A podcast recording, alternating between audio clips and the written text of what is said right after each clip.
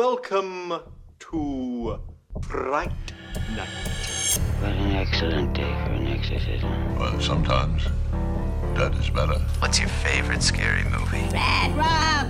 Seven days. Don't forget. Don't forget. Why haven't you checked the children? Be my victim. Hiya, Georgie. They're coming to get you, Barbara. They're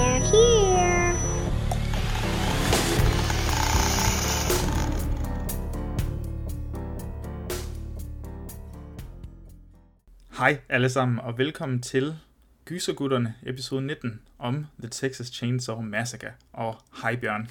Hej så. Jeg kan godt lide, du lige, du, du tager lige et sekund, når du skal sige gysergutterne, sådan, hej og velkommen til, og hvad er det nu, vi hedder? Hvad er det nu, vi Det er hedder? gysergutterne, det er det, velkommen til. ja, jamen uh, tak, tak for den fine velkomst, Joachim. Det, der var ikke noget med. Over for mig sidder den højt estimerede gyserekspert, Bjørn Kjærgaard Hansen. Ja, Det var bare, hej Bjørn. hej Bjørn. Det, og, og, og, og vi siger hej på den der meget sådan, øhm, monotone måde, fordi det er vidderligt, fordi så kan vi synkronisere vores øh, lyd, ja. Når vi skal redigere det i lige præcis. Men ja, vi sidder jo stadigvæk hver for sig. Ja, det kommer vi til et stykke tid endnu, kan jeg regne ud. Ja, det, sådan er det.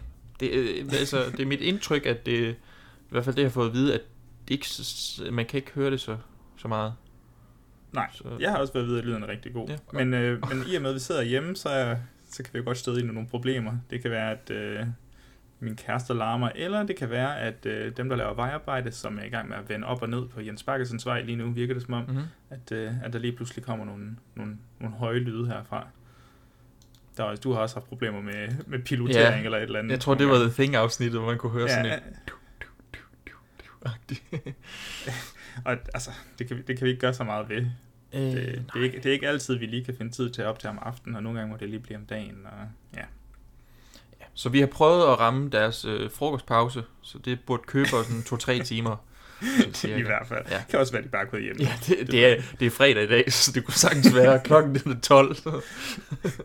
det kunne sagtens Men, være. øh, men øh, sidste uge, der snakkede vi om, der havde vi godt dør og grin afsnit om Anaconda. Mm. Det er fandme sjovt. Ja. Det, det er jeg virkelig glad for. Ja. Jeg, jeg har lige lyttet til det igennem her, det, det er sgu meget godt. Ja. Og så forrige uge, der, der snakkede vi om Dead Silence, som jeg også gerne må gå ind og give en lytter til. Jeg mener, at både Anaconda og Dead Silence stadig ligger på Netflix. Hvis det er fordi, I lige har brug for at finde en anledning til at lytte til afsnittet, så kan I jo lige se filmen inden, og så give den gas. Det synes jeg helt klart. Og, øh, men det, det er jo selvfølgelig ikke det, der skal handle om i dag. I dag skal det handle om The Texas Chainsaw Massacre Det skal det nemlig. fra Det, vi, har ikke 1974. engang, vi har ikke engang fået øh, promoveret det på vores øh, diverse social media, som I passende kan gå ind og, og følge os på. Sikke en Instagram. Virkelig. Gysergutterne mm. underscore på Instagram, eller så er det Gysergutterne podcast på Facebook. Og vi prøver at give den gas med, med, med fede billeder fra hverdagen og, og reklame for de kommende afsnit, og så kan I følge med. Hvis, hvis I har brug for at vide, at vi skal se om nogle uger, så kan I gå derind og følge med, og så, øh, så kan I jo passende lige opsøge filmene selv inden. Og, ja, Ja, hvis man vil være med på rejsen, så kan man da. Yes, jeg tænker også, det kunne være, at vi snart skulle lave sådan en, en, en fin poster, hvor vi lige smider de kommende afsnit op, Mm. så, så folk har overblik over, hvad det er, vi egentlig sidder og pynser på. Kan vi sagtens. Ja, det må vi lige finde ud af. Men du har ret, det er ikke alt det her øh, sniksnak, vi skal øh, snakke om i dag. Det er, det er vidderligt The Texas Chainsaw Massacre, Yes. eller Motorsavsmassakren. Ja, motorsavsmassakren, der har vi valgt at sige, det der Texas der, det ved vi ikke, hvad er. Nej. Så det, det glemmer vi bare ligesom, når vi kommer til Danmark med det. Men der er også et eller andet fedt ved Motorsavsmassakren. Ja, det havde heller ikke været så fedt sådan noget, den texanske motorsavsmassakre. motorsavsmassakren i Texas. Det havde ikke, øh, det havde ikke kunne det samme, føler jeg.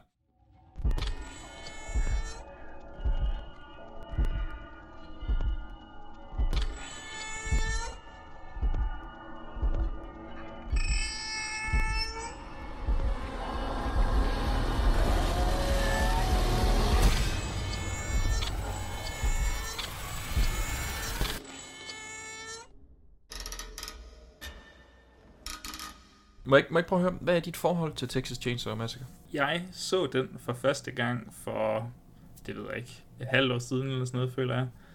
Ellers så har jeg aldrig set den før. Okay. Jeg har haft sådan en altså igennem min barndom og sådan noget, har haft sådan lidt en, en mytisk, øh, det har, den har opnået sådan lidt en legendestatus. Mhm.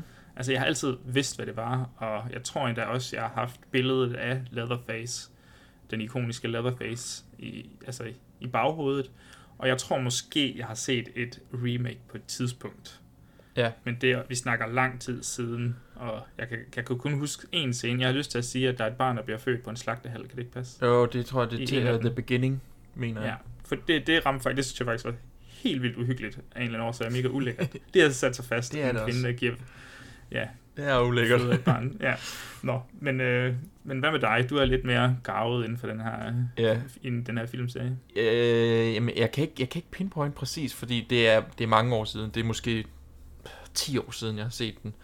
Øhm, og jeg, jeg, jeg kan simpelthen ikke huske, hvor det er, øh, at jeg har set den henne. Jeg har, jeg har set en del af dem, og jeg tror måske faktisk, jeg har set remaket fra øh, 2003 eller 4 eller hvornår den er, øh, før har set den original. Men det giver måske fin mening, for det, det, det tror jeg er meget typisk øh, for folk.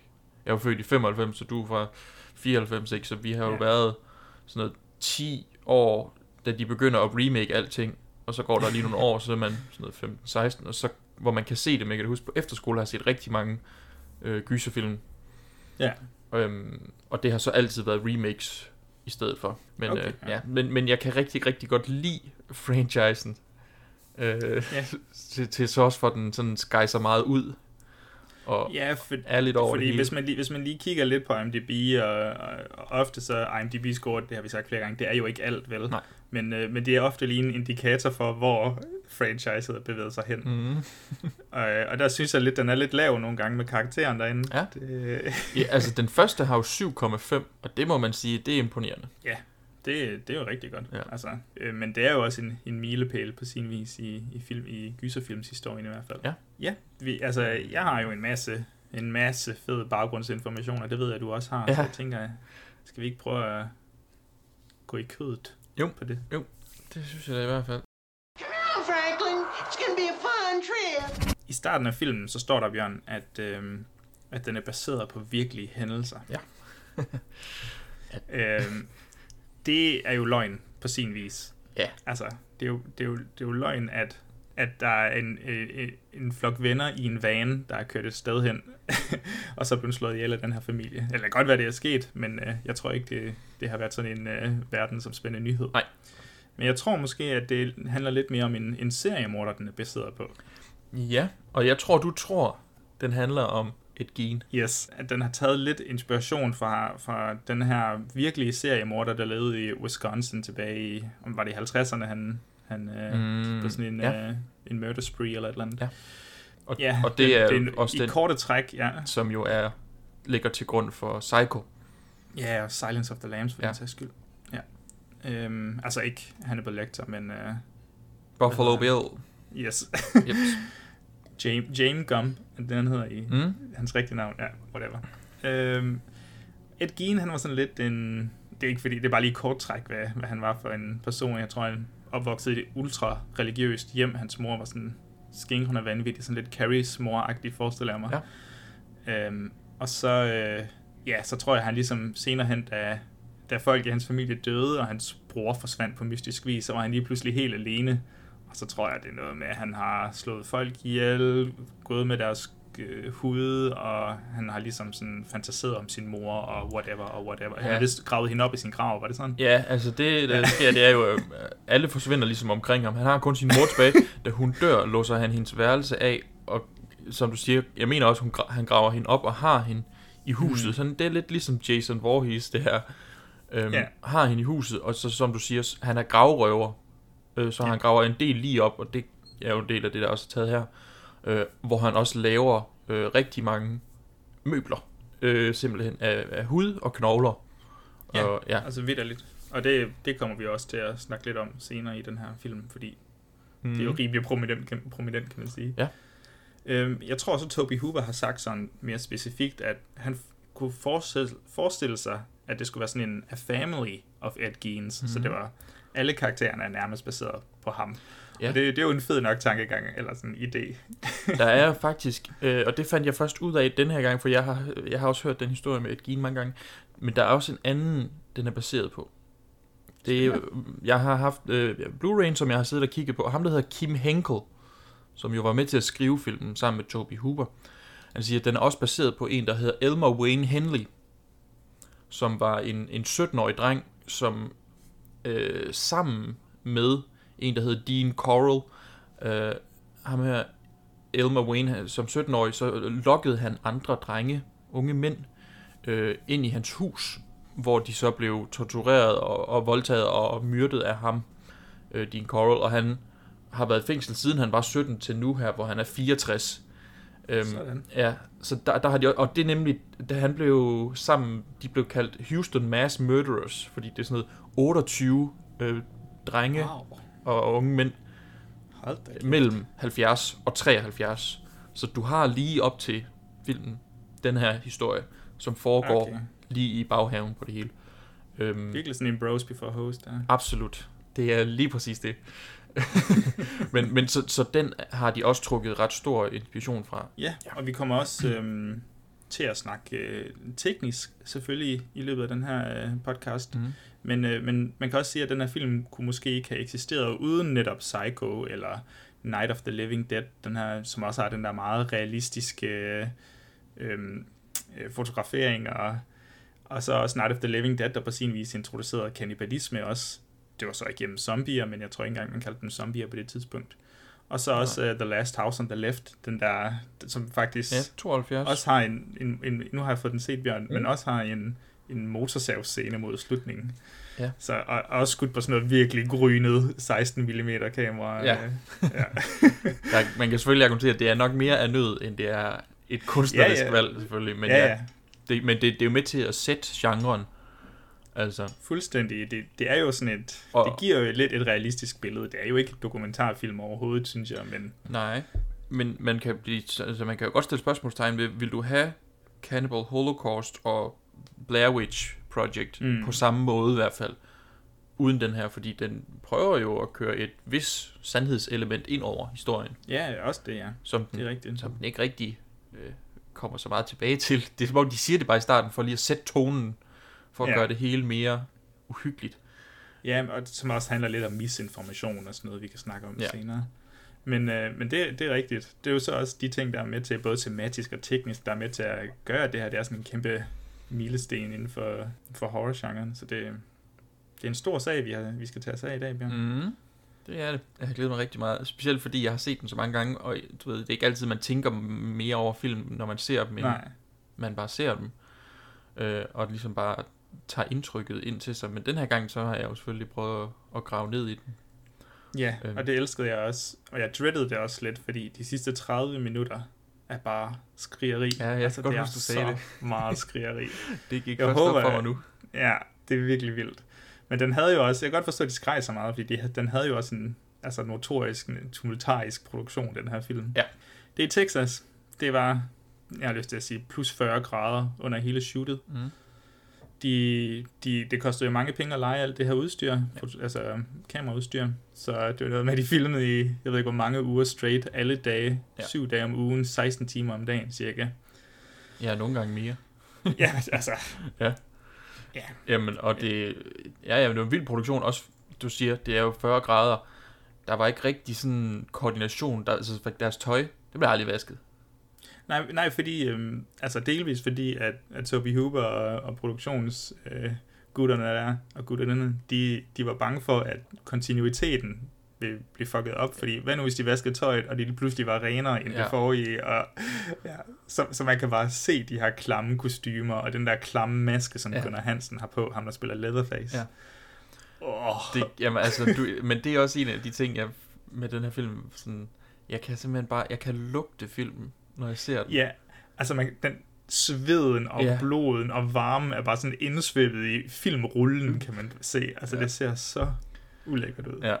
Men altså, der er, som sagt, der, der, er, der er vildt mange historier fra den her produktion. Altså, vi kan sådan, jeg har skrevet lidt ned. Øh, Super. den hed Leatherface, hvilket er sjovt, fordi det er jo en af de senere film, der kommer til at hedde. Den hed Leatherface under produktionen.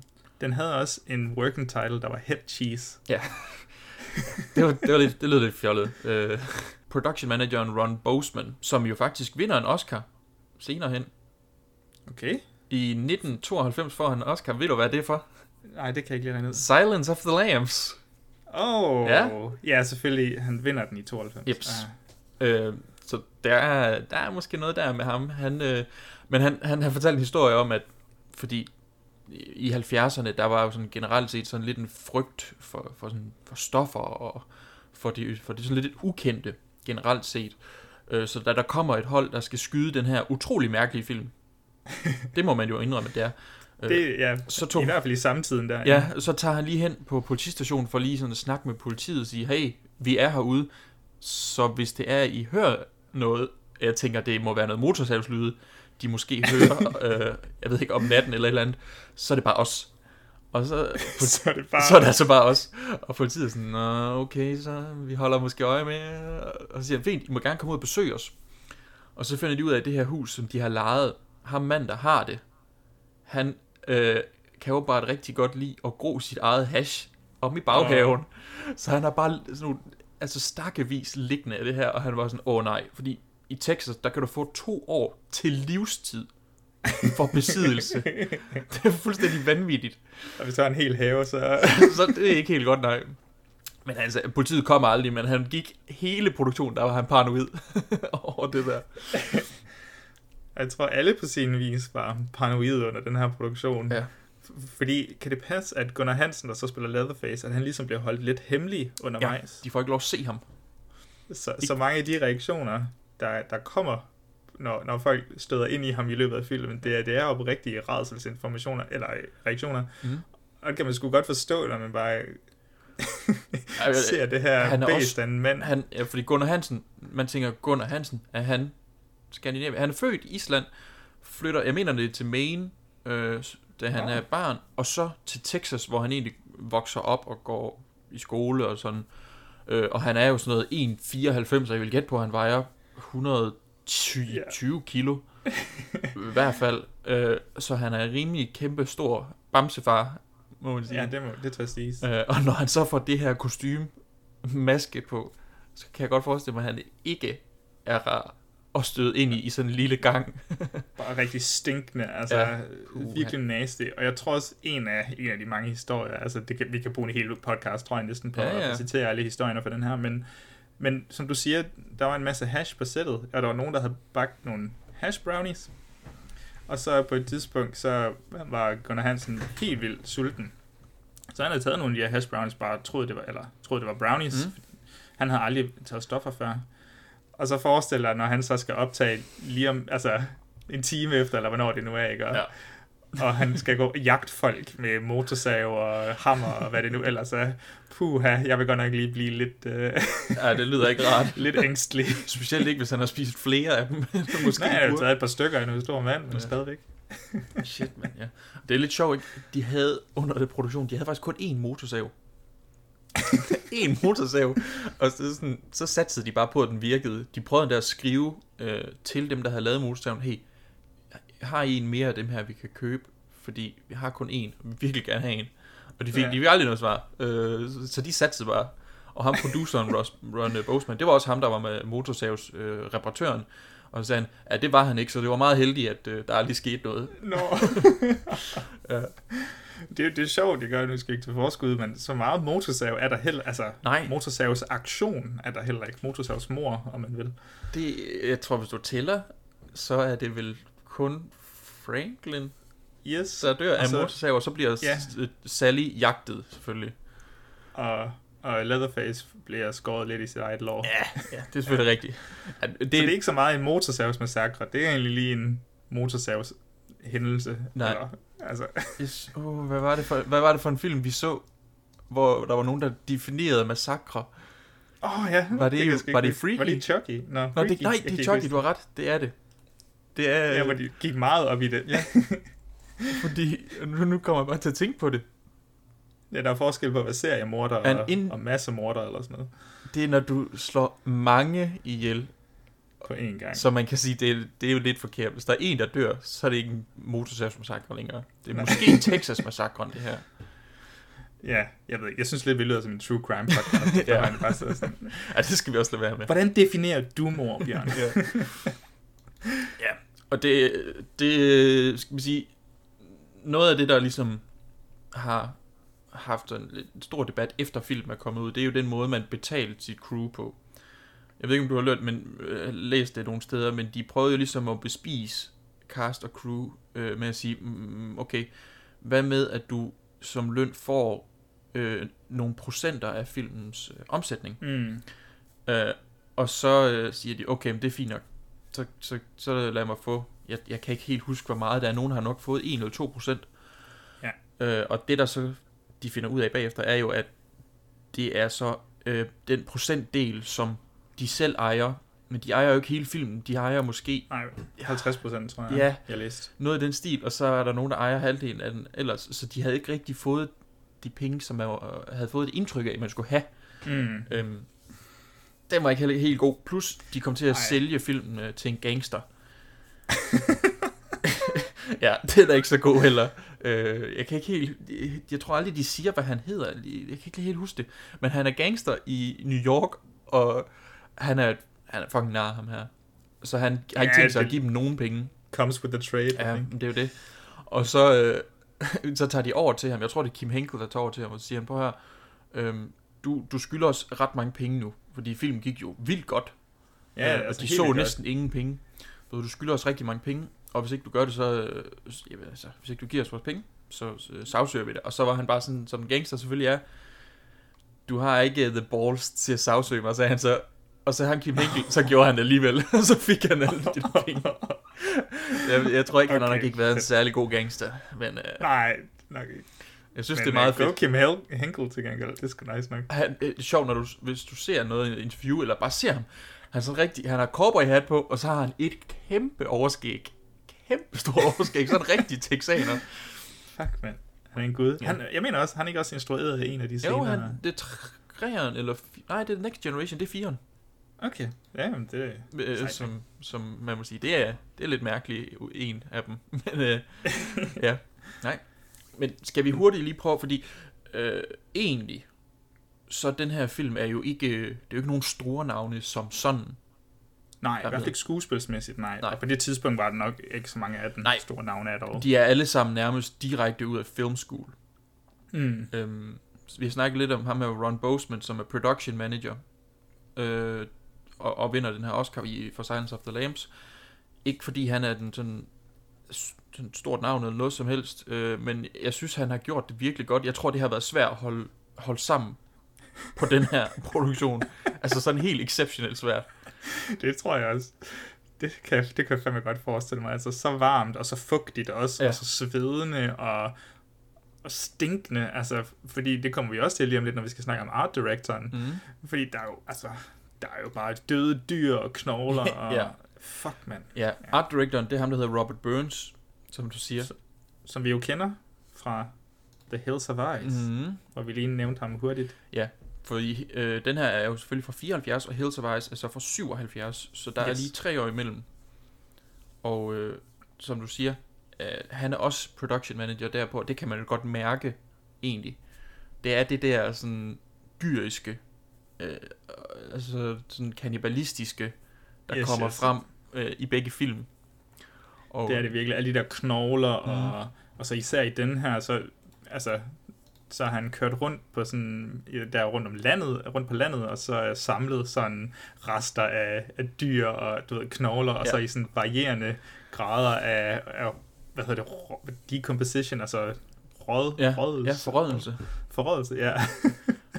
og så bare lige smidt det, så skal vi have noget over hjørnet her, og noget over vinduet, altså. filmen, men den starter jo også egentlig, altså originalt, manusmæssigt, med en, en død hund. Øh, Hmm. Du kan godt huske det, altså den starter jo med en armadillo, hvad hedder det, bæltedyr, yes, bæltedyr, ja. der ligger på ryggen, som de selv har bygget. Øh, jeg ved ikke, hvorfor man tænkte, vi bygger det her bæltedyr, i stedet for at bare finde et dødt bæltedyr. Det virkede, som om det havde været nemmere. Men de havde fundet en hund, men der var simpelthen så mange øh, fra både cast og crew, der var sådan, det kan vi altså ikke gøre. En stakkels lille hund. Men, men den er, altså de har filmet det. Jeg har set klippet. okay. Og den ligger bare og stiger direkte ind i kameraet, den der døde hund der. Og så kan man se bilen kommer kørende i baggrunden, på samme måde, ligesom man kan der. Ja. Men øh, ja, så han kørte bare hele Texas rundt for at finde døde dyr. Det må godt nok også have været sådan lidt en, en svær proces. Bare sådan, hej, En jeg fed roadtrip. kommer fra en produktion. Har du nogle døde dyr, jeg kan få? Øh, du skal skride lige nu. Du skal gå. Øh, skal være lige nu. Ja, og så s- udover øh, de to, så har vi også Daniel Pearl. Yes. Ja. Det er fotografen, ikke? Det er fotografen på filmen.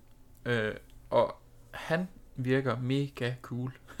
Når man sådan, Super. Fordi der er godt nok mange ting, hvor han sådan har foreslået et eller andet til Toby Hooper. Jeg føler, hver gang jeg hører noget om Toby Hooper, så tænker jeg altid, at han, han var måske mere heldig end alt andet. Måske var han egentlig ikke så dygtig. Ja, jeg ved det ikke helt. Men det er sådan, Okay, mange af ja. de, for eksempel det skud, vi har, hvor øh, kameraet følger Pam under den der swing, den der gynge, Ja. og så bevæger sig hele vejen ind mod huset, mens hun går.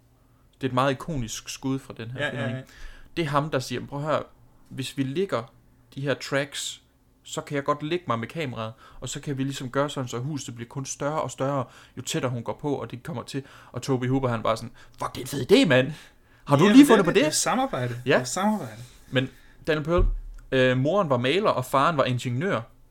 Det må man sige er en ret fin kombination for en øh, fotograf.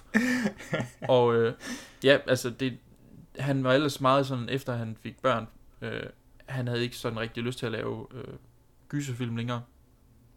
Det, det tror bare, det er noget med at blive voksen eller sådan noget. øh, men så lavede han reklamer i stedet for. Og der møder Det er han... også der, pengene er. Det er, det er det virkelig. Der møder han en, der hedder Markus Nispel. Kan du huske, hvem Markus Nispel er? Nej, det kan jeg ikke. Det er ham, der øh, ikke bare har instrueret fredag den 13. fra 2009, som vi så, men øh, også oh. instruerer fredag, eller hvad hedder det nu, Texas Chainsaw fra 2003. Ja, for det er, hvad hedder det, øhm, øh, Michael Bay's produktions. Det er nemlig Jamen. Platinum Dunes. Platinum Dunes, ja. Ja, lige præcis. Og øh, så de, fordi de havde arbejdet sammen på en masse reklamer, så siger han, prøv høre, jeg skal lave øh, remaket, vil du ikke være med? Du, du er min fotograf, det har ikke noget med film at gøre, altså det er ikke fordi, du har lavet den gamle, det er fordi, du er min normale fotograf også. Ah, fedt nok. Det er da sødt. Ja, så, øh, så derfor, det er derfor, han egentlig er med på den. Og øh, Mm. så har vi også lidt interessant Robert Knudsen, Knudsen hedder han, som øh, Ja. mixede filmen. Øh, han kom lige fra at have lavet øh, Exorcisten. Så, Okay. Ja. Fuck, man. Det er... Let's go. Det, ja. Og det er jo selvfølgelig... Det, det må være lidt mærkeligt at komme fra sådan en film, der er altså, Oscar-nomineret gyserfilm til det Ja. her. Altså, det, det Ja, bliver fordi bare ikke... man, man ved jo ikke, hvor stor en film det vil blive, når først man går i gang. Nej. Det ved jeg heller ikke, om de vidste med Exorcisten for den sags skyld, men det er mere, den har, ja, den får en Oscar, jeg ved ikke lige helt, fordi det er jo først året efter, den har fået Oscar. Ja. Men, men i hvert fald, så ved de, at Exorcisten er gået rigtig godt, og så, så kommer det her, ja, ikke magtværk, men, men meget anderledes, lidt mere uafhængig Ja. film. Ja, men, ja, men man kan sige, det var sgu meget heldigt, og der er faktisk der er nogle lydeffekter fra Exorcisten med i den her. Ah, fedt. Men ellers er det, mange af lydeffekterne er noget Toby Hooper, fordi han havde sit eget lille studie derhjemme. Mm. Han bare har, har fundet, altså der er mange af lydene, som han bare har Ja. lavet. Altså sådan nogle gange, når, når for eksempel øh, Leatherface han kommer og siger, øh, som lyder som gris, eller du ved, Ja. så er det noget Ja. Toby Hooper, han bare har siddet derhjemme og sagt. Det er fedt. det er lidt fedt. Men jeg synes også, at lydsiden er helt vildt stærk i den her. Absolut. Der er virkelig nogle, nogle, øh, nogle barske lyde engang imellem, ja. synes jeg. Absolut. Men ja, nu har vi, vi har jo snakket lidt om Toby Hooper, men, men har du egentlig, hvad, hvad er dit forhold til ham? Hvor meget har du set af ham, eller, og hvad synes du generelt om det, du har set så? Øhm, ja, det er et godt spørgsmål for at være helt ærlig. Altså, selvfølgelig set den her... Jeg kan ikke... Når jeg ser en Toby Hooper-film, så kan jeg ikke påpege, at det er Toby Hooper. Jeg kan ikke Nej. Sige, det her og det her og det her, det gør en klassisk Toby Hooper-film. Han er ikke sådan en auteur, om man vil. Nej, altså så meget har jeg ikke dykket ned i ham, men der, men der er en ting, jeg sådan hægter mig ved hver gang, det, det er hans production design. Altså, jeg synes, at hans film har ikke nødvendigvis det samme look, men, men alle filmene har et rigtig højt niveau af production design. Mm. Selv de film, der måske ikke er så gode. Altså nu så jeg um, Invaders from Mars, Ja. hans uh, remake, eller hvad det nu er, Mm. af, den, af den gamle sci-fi film der. og og at den, det, er ikke en, det er sgu ikke en skide god film, vel, men den, den ser bare fed ud, og så så jeg Life Force for, for nogle uger siden, ja. Og den ser også bare fed ud. Og så, så nu skal vi ikke tage forskud, forskud på uh, Texas Chainsaw Massacre 2, men den ser også bare fed ud, og de nede i de der miner, vi har lidt nævnt i andre afsnit og sådan noget. Ja. Ja, så, så et production design er rigtig fedt, men han er jo ikke den der, altså, Jeg synes ikke, han kommer op ved siden af John Carpenter og Nej. Wes Craven for den sags skyld. Men det er jo også, når man hører sådan nogle historier om, for eksempel nu, når man kigger i IMDb, så står der Poltergeist, instrueret af Toby Hooper. Parenthes. Parenthes, Steven Spielberg har rent faktisk instrueret den. Altså, det, ja. det, men det er også, og, og jeg kan huske, da det kom ud, der siger Steven Spielberg, okay, jamen, det er måske lidt rigtigt. Og det er også Mm. lidt træls, at de kommer bagefter Toby Hooper er død og siger de her ting, fordi det er sådan, han kan ikke engang komme og forsvare sig selv, men, men, Ja. men, men altså, Steven Spielberg kan sige, okay, jeg tror det er Steven Spielberg, der siger, øhm, Toby Hooper var ikke typen, der bare øh, tog charge. Han siger ikke, nu gør vi det her og det her det her. Så når Steven Spielberg, han ligesom bliver prikket på skulderen og siger, hvad, sig- hvad synes du? Så er han ligesom meget bedre til bare at tage over. Og det er der, jeg føler, at Toby Hooper måske er lidt Mm. øh, en type, der godt kunne blive øh, trådt lidt på, på et sæt. Ja, det kunne godt være. Altså, Det skal selvom at når man hører historier herfra, så er han meget sådan, jamen prøv her, vi gør det på den måde, jeg siger det nu, fordi det er mig, der er instruktøren, og hvis I er utilfredse, så må I fyre mig. Altså det har han decideret sagt. Okay. Ja, og det har jeg stor respekt for. Ja. øh, altså virkelig. Men det er bare ikke det, jeg kan genkende fra de andre ting, jeg har hørt om ham. Nej, og der er også en helt... Altså, jeg vil gerne se alle hans film, mm. selvom Jamen, det vil jeg også gerne. alle hans film, eller mange af hans film, altså, de, de, ligner, de ligner lidt en skrald en gang imellem. Ja. Den der aftensmadscene, den, den, den nok mest kendte scene herfra. Øh, Ja. Der er lidt sådan en dispute omkring, hvor lang tid det tog. Man er lidt uenig omkring det. Øh, jeg så sådan et øh, klip, hvor de sådan klipper imellem de forskellige, øh, altså producerne og fotograferne og runners og sådan noget, der siger, hvor lang tid. Det er sådan noget, mellem 25 og 40 timer, siger de. Okay. At de bare skød den ud i en køre. Og hende der, øh, hvad hedder det, der spiller Pam, hun sagde også, nej Sally undskyld, øh, hun Ja. sagde også bare, "Men jeg havde jo ikke mere stemme tilbage til sidst. Nej, hun må da være fuldstændig ødelagt. Øh, og grunden til, at de skulle det, det var simpelthen fordi ham, der spiller øh, The Cook, Ja. øh, Jim Seedow, Ja, ja, ja. hans kontrakt den sluttede, så de var sådan, vi bliver nødt til at have den i kassen, for vi har ham ikke mere. Og så kørte de bare ud i, en lang køre. Og så, Ja. ja, så ved jeg ikke, ham der Edwin Neal, ham der spiller Hitchhiker, ikke? Ja. Han er fuldstændig, altså i virkeligheden, ikke, det er ikke meget langt fra den karakter der. Han har en eller anden Oh form for God. ADHD. Jamen, han ser også fuldstændig bimmer ud. Ja, Jamen, det- og det er han også, men han siger, at han, han, havde egentlig, han har formet sin rolle efter sin nevø, fordi han var skizofren. Og han lavede de der tics med munden og sådan over i den ene side hele tiden og, og snakkede på den der måde der. Men han var, sådan, han var totalt uforberedt, han havde ikke lært sine replikker, plus han havde sagt, at han vidste godt, hvordan man håndterede krudt. Altså han vidste godt, hvor meget han skulle putte af kr- krudt øh, ned på det der lille Yes, fucking F. og det vidste han overhovedet ikke. Og han siger, prøv, og det har jeg også godt hørt, det der, det er en, sådan en rigtig klassisk skuespil-trade. Hvis de siger, kan du finde noget at ride, så siger du ja, Ja. og så lærer du at ride bagefter. Jeg kan huske, var... Det, det er den klassiske Joey-bit i Venner, der hvor han Ja, ja, kan snakke fransk, og han kan drikke fire, four gallons of milk på... ja, der var han bare vælter ned af sig selv. Ja. Jeg kan huske, Pilou Asbæk, han har engang fortalt en historie om, at han var med i den der med The Wall, hvor han skulle, ja. hvor han skulle ride. Ja. Og han har bare sagt ja, og han kunne ikke ride, og han havde glemt at lære det op til det. Så da han skulle skyde filmen, så sidder han som en kæmpe idiot og ikke kan finde ud af at ride lige ved siden af Matt Damon. og ja. han er bare sådan, hvad laver du? Hvorfor sidder du sådan der? Rid nu ordentligt for helvede.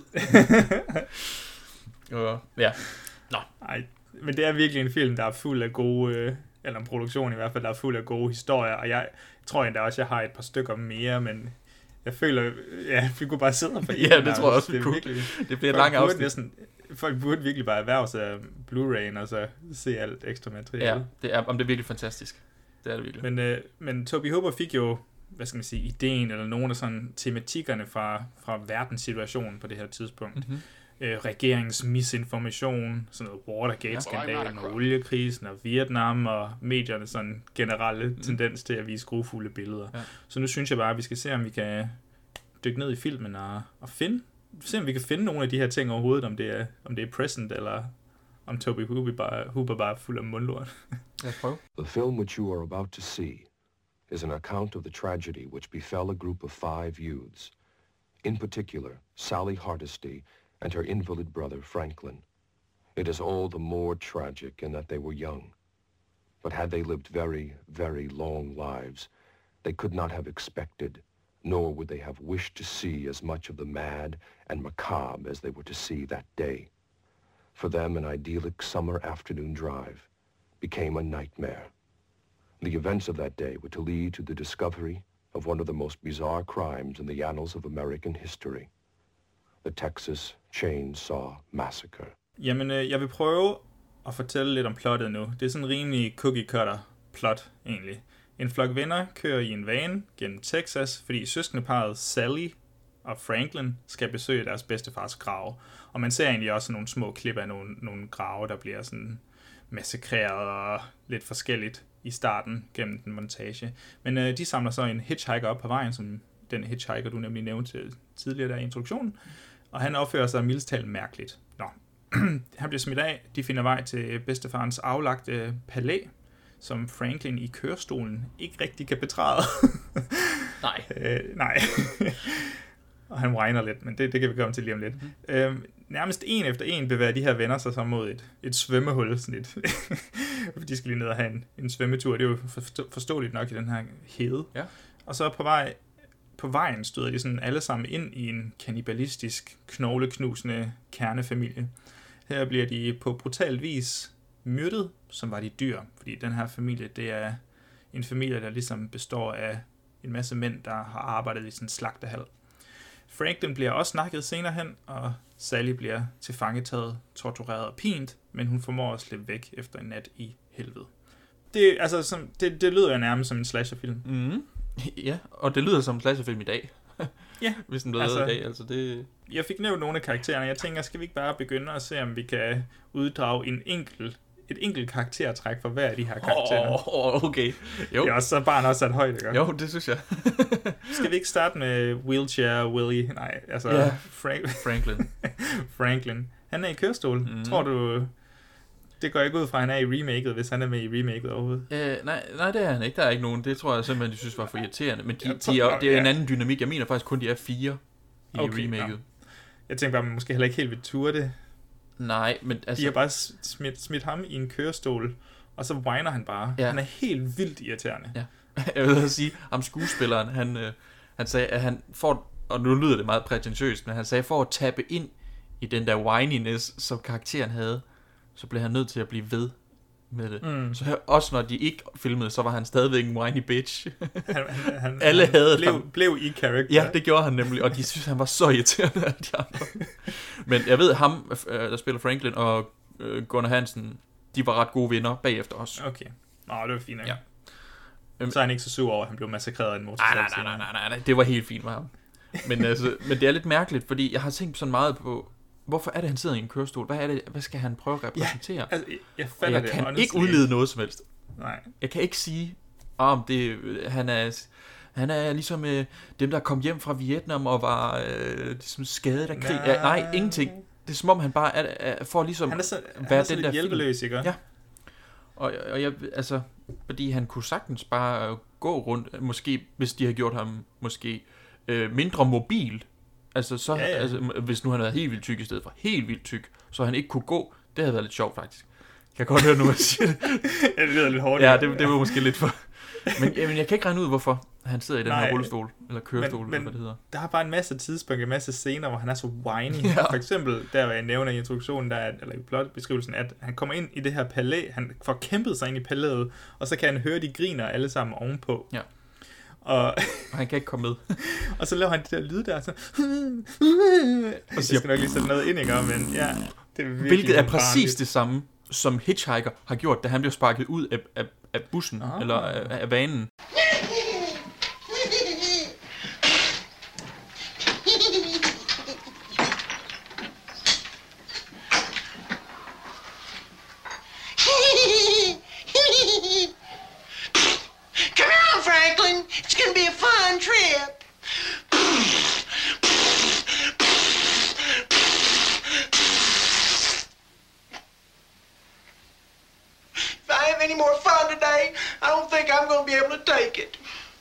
Og jeg kan ikke udlede, om det er fordi, de skal forestille at have noget med hinanden at gøre, at de er barnlige eller et eller andet, men jeg kan bare se, at de begge to gør sådan, laver sådan en pruttelyd med munden, når de ja. er, er utilfredse med noget. Altså, det er vildt barnligt. det er det virkelig. Over for ham, ja. hvad skal man sige, hans søster, det er så... Sally. Øh, Sa- Sally, ja. ja. Hun er en regulær Scream Queen. Jeg kan ikke finde mange flere karaktertræk ved hende, udover at hun er lidt den her... Er hun storsøster? Det får vi aldrig at vide, tror jeg ikke. Men, men, Men det, der er i hvert fald den der søskende dynamik ja. der. Så, så hun, hun, hun, hun vil gerne passe lidt på ham, men samtidig så vil hun egentlig måske hellere være sammen med sine venner. Ja, altså man, man kan ikke helt finde ud af, fordi der er helt, altså Sally har jo sin kæreste med, som er ham er Jerry, som jeg i mit manus har kaldt Disco Stew. og øhm, så er der Disco Stew. Disco Stew is gonna be hit the hit. Og så er der Kirk og Pam, øhm, som også er et par. Altså, så han, han er ligesom det her femte jul, no pun intended. og, og jeg kan ikke regne ud, hvorfor hun har inviteret ham med. Ja, men det er jo så, fordi de skulle besøge bedstefars... Øh, Jo, jo, men... men det er jo deres tur. Spørgsmålet er, hvorfor hun har taget alle de andre Okay, med jamen, os. så kan man selvfølgelig sætte den op omvendt. Hvorfor alle de andre med? Specielt Kirk og Pam, som, som Ja. bare venner af, af dem. Altså, de er jo knap nok venner, de er jo foder. Ja. Fordi, altså, nu kan vi lige tage dem i godt. Det er jo bare sådan et slæng af ligegyldigt foder. Mm. Og der er jo en pointe med, at de skal være sådan basically dyr, ikke? Men altså, de bliver virkelig bare anset for at være mad og kød, alt andet end mennesker, altså af den her kernefamilie. Ja. Men, men ellers er de de der stereotypiske, øhm, øh, we did, uh, vi skal have noget, nogle stoffer, og, og ja, det bliver af lidt, at de skal måske ned og skinny dip lidt ved det der svømmehul der, men det er ikke fordi, at jeg synes, at film er sådan besydlet i sex og Mhm. ja, sexual innuendos. Nej, men, men hende, ja, de er, hende skuespillerinde, der spiller Pam, øh, de to af hende, pigen, øh, de to, der dør først, øh, hun, øh, hun er godt nok sådan meget liderlig, når hun snakker om det. Hun sådan, jeg foreslog ellers til Toby Hooper, at vi skulle have en masse kyssescener for lige at etablere nogle ting. Og var sådan, ah, det er ikke Nej, nødvendigt. Det, det, Vi- det ordner de om seks år, når fredag den 13. kommer. Ja, ja, bare rolig. Men det er sjovt, det er, ja, fordi det, det går den jo sådan set væk fra. Det, det er ikke fordi, der er ikke noget syndigt. Altså, nu ved vi, Sally er jo egentlig vores final girl. Ja. Men det er jo ikke fordi, vi hører om de andre, de bare sådan tager, tager altså vi ser dem ikke tage nogle stoffer eller noget. De er sådan relativt fornuftige mennesker egentlig. Mm. Øh, og jeg kan huske, vi snakkede om det her før, hvor jeg siger, at jeg, jeg kan godt lide, eller det var måske ikke dig, det var måske min kæreste, jeg snakkede med om. Men øh, noget af det, der irriterer mig mest, det er, når en films plot bliver drevet frem af, at karaktererne tager dårlige beslutninger, i stedet for, at det bliver drevet frem af, at de tager nogle gode beslutninger. Øh, for ja. eksempel nu, altså Indiana Jones er jo et godt eksempel på, at han, han regner et eller andet ud, og dermed kommer han videre. Hvor ofte i gyserfilm, så forfalder de sig til, at de tager nogle dumme beslutninger, og derfor ja. kommer de videre i, i mod, hvor de nu skal hen, eller hvor de ikke skal hen, eller hvad man skal sige. Ja. Øh, Der er sikkert undtagelser, altså man kan godt tage en dårlig beslutning, og så kan det blive udforsket. Ja, ja, selvfølgelig. Men, men det du mener, det er det der, hvor, hvorfor skal I gå alene ned til svømmehullet? Ja, eller, altså, ja, hvorfor ja. skal I gå op og banke på døren til det der? jeg, jeg har lige set sådan en, en, en, øh, en hajfilm, hvor der er en, hun, så tager hun sådan en af de der flares guns, og ja. så siger hun, den vil hun sætte af nu, men de sidder inde i sådan et telt ude på vandet. Den er ligesom pustet op. Og så begynder, og så vil, fordi alle siger, nej, du skal ikke gøre det her, du skal ikke gøre herinde, og så ender det med, du ved, at den springer i luften, og hun brænder hele deres telt ned ude på vandet. De er jo helt 100 km ude på vandet.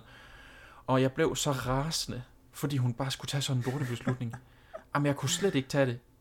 Og, og det er sådan noget, jeg hader. Og, jeg, Ja. og jeg føler faktisk, at den her film har ikke super mange af de her ting, fordi de, de fleste af dem er egentlig ret fornuftige. Altså Kirk, som altså, er den det første. giver jo mening. Ja. Ja, han, han åbner ligesom døren lidt, og så er han sådan, hallo, er her nogen? Ingen svarer, og han går lidt mere ind, sådan Han fordi... hører nogle griselyde. Ja, ja, han, ja, han hører de der griselyde, det vil jeg nok også være sådan, det er lidt mærkeligt. Okay. Ja. Og hun det, ligesom kommer også ind, altså der er ikke nogen af dem, der tager en beslutning meget anderledes, end det jeg havde selv gjort, tror jeg. Is anybody home? Hello?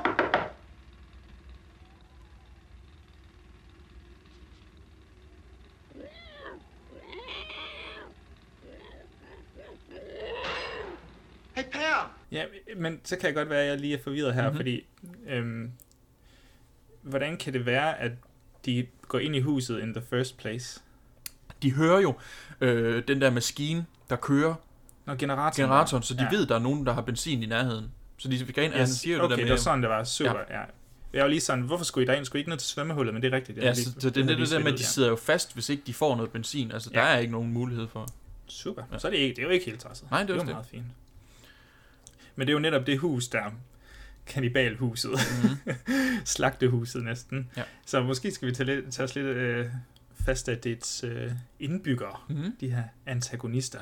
Altså, vi har jo en rimelig besynderlig fucked up familie. Og jeg ved, at der er mange af de her sådan, tematiske læsninger af filmen, at der ligesom handler om den opbrudte kernefamilie og familien som institution og sådan noget. Der er en masse fortolkninger på mm-hmm. det.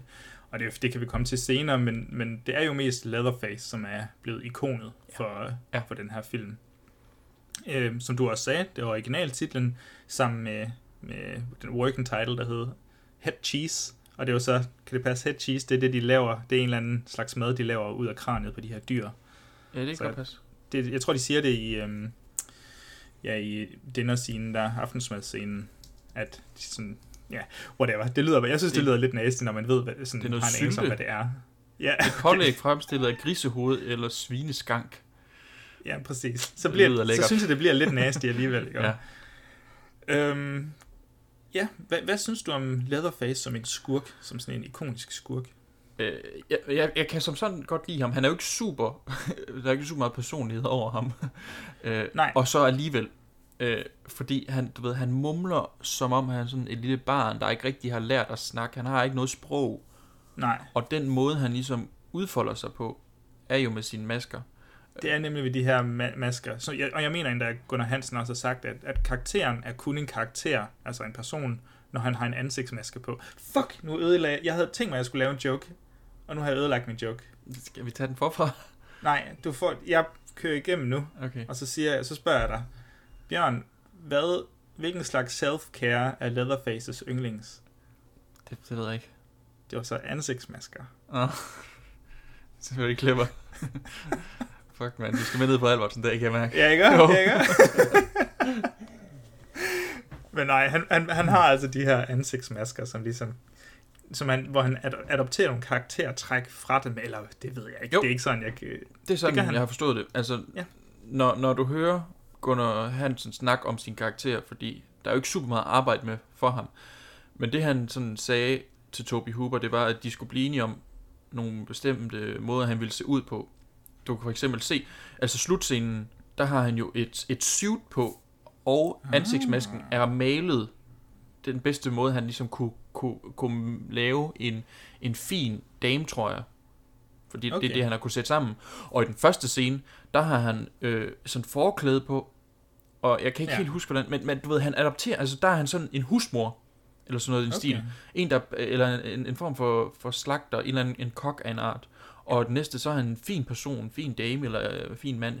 Og kønnen er lidt øh, sådan fluid med, mm. med Leatherface, egentlig fordi han jo... Ja, i hele familien, for den sags skyld. Ja, og, og det, er, det, det, det kan se lidt mærkeligt ud, fordi jeg har aldrig lagt mærke til det før, den her gang, at, øhm, at han egentlig skifter så meget. Jeg tror, jeg skal lægge mærke til det, når jeg genser den på et eller andet tidspunkt. Der går lige et stykke tid, fordi jeg skal lige have de der skrig ud af mit hoved.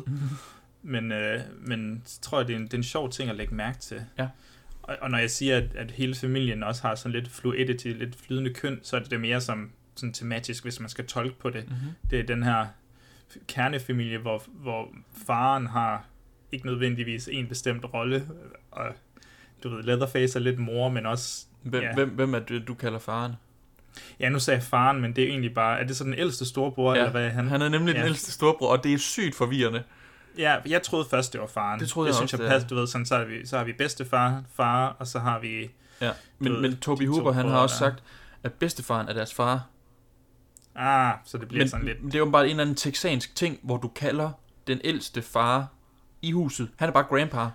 Okay. Det er bare en ting. Nå, jeg troede faktisk, det så var sådan noget incestuøst noget. Det kunne også ja, være fedt. Men, men, men, men øh... desværre ikke. Eller, des... Og så måske alligevel, måske ikke? alligevel. Det er Texas. Ja. Men det er rigtigt, vi, vi kan måske lige nævne i forlængelse så ham, der så ikke er faren, mm-hmm. men den ældste storebror. Ja. Han er jo måske den mest normale af dem. The Cook. På sin vis. Yes, Som The han Cook. bliver refereret mest til, tror jeg. Øh, vores øh, slæng af, af teenager møder ham, fordi han har en sådan gasstation, barbecue grill. Ja, gasstation. Øhm, en benzintank. Benzintank, ja. gas station. Mm.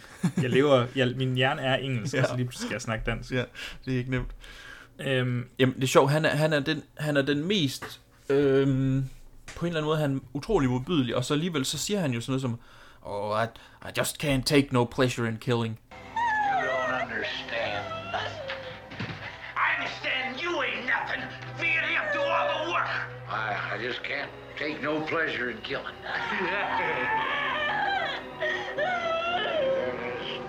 Just some things you gotta do.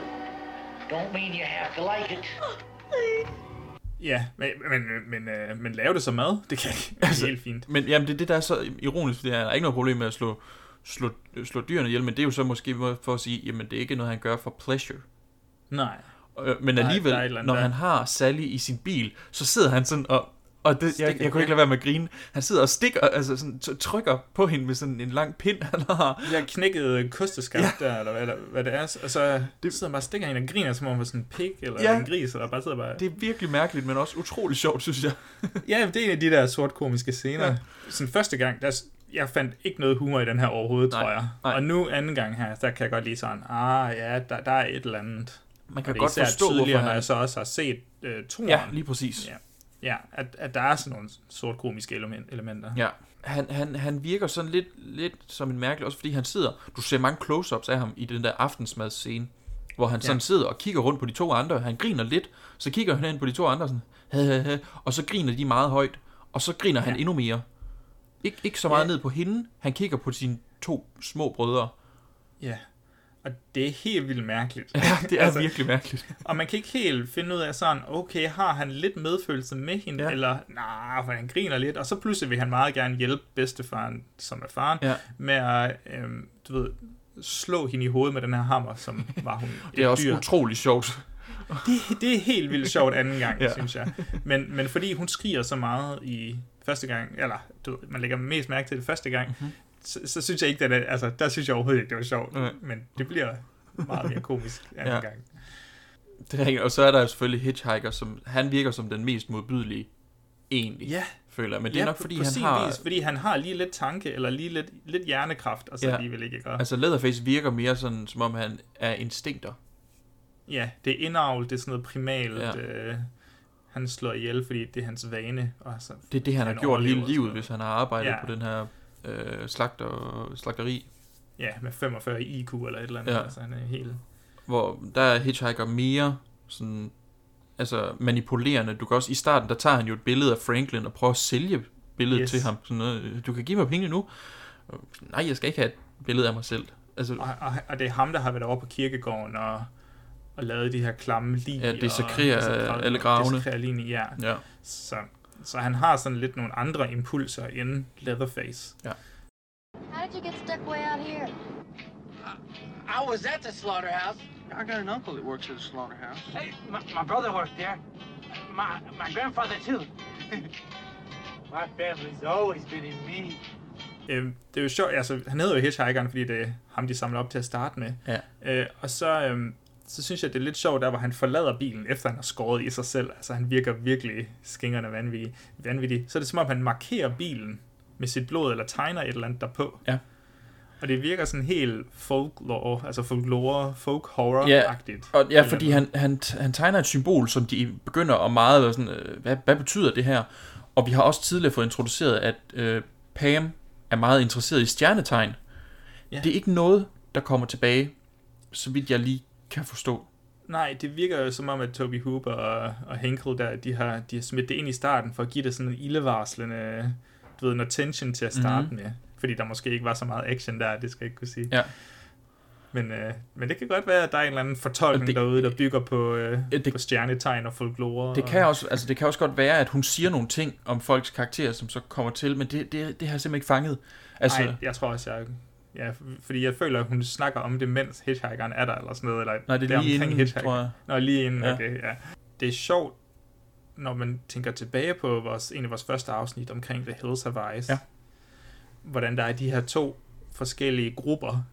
Der er, du ved, den, den gamle, traditionelle øh, verden, den der kernefamilie, Mhm. øh, med, altså ikke er en kernefamilie vel, men, men Leatherface og Hitchhikeren og sådan noget, og så kommer der den nye, the new living, the new way of life, med de her unge teenager.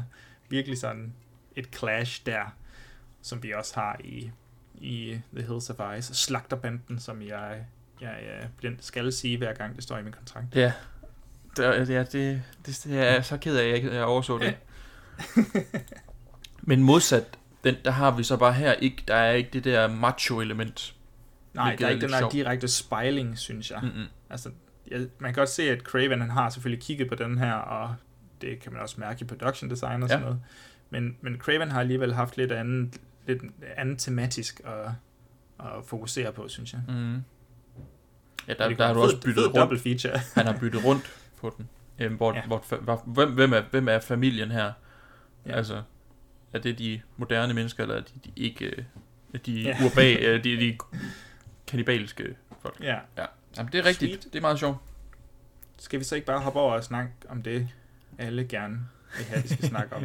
Morne, Mord. motorsavsmassakren. Ja.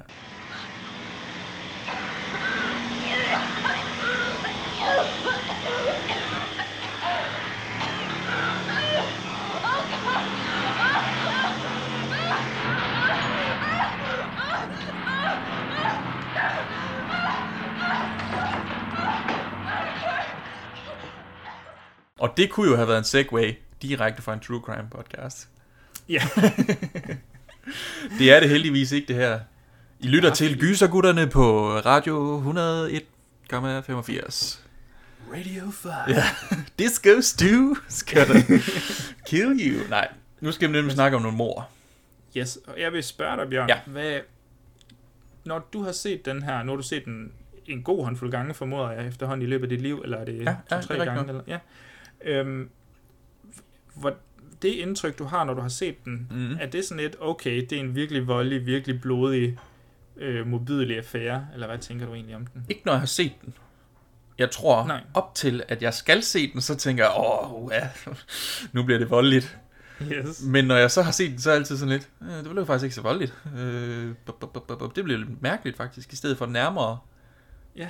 Og jeg tænker, at jeg kunne måske forestille mig, at du havde det lidt på samme måde. Ja, ja, fuldstændig. Altså, altså jeg synes, det er en modbydelig film. Ja.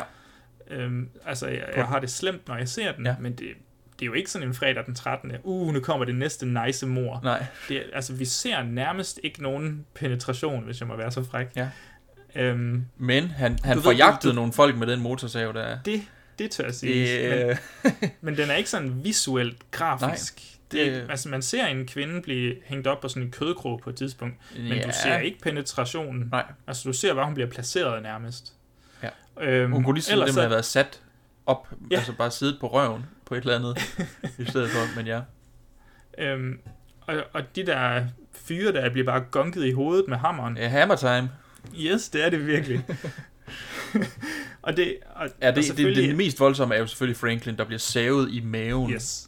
Mens han sidder, altså den, den kan godt være lidt grum, fordi han sidder, det, og det er måske det, det der er sådan med Det er hans hjælpeløse. karakter, han er fuldstændig hjælpeløs, han sidder, og de har lige, altså hun, Sally har, har kl, altså sådan skubbet ham igennem et helt forfærdeligt terræn, han ikke kan køre i. Så vi yes. ved bare, at han er fucked.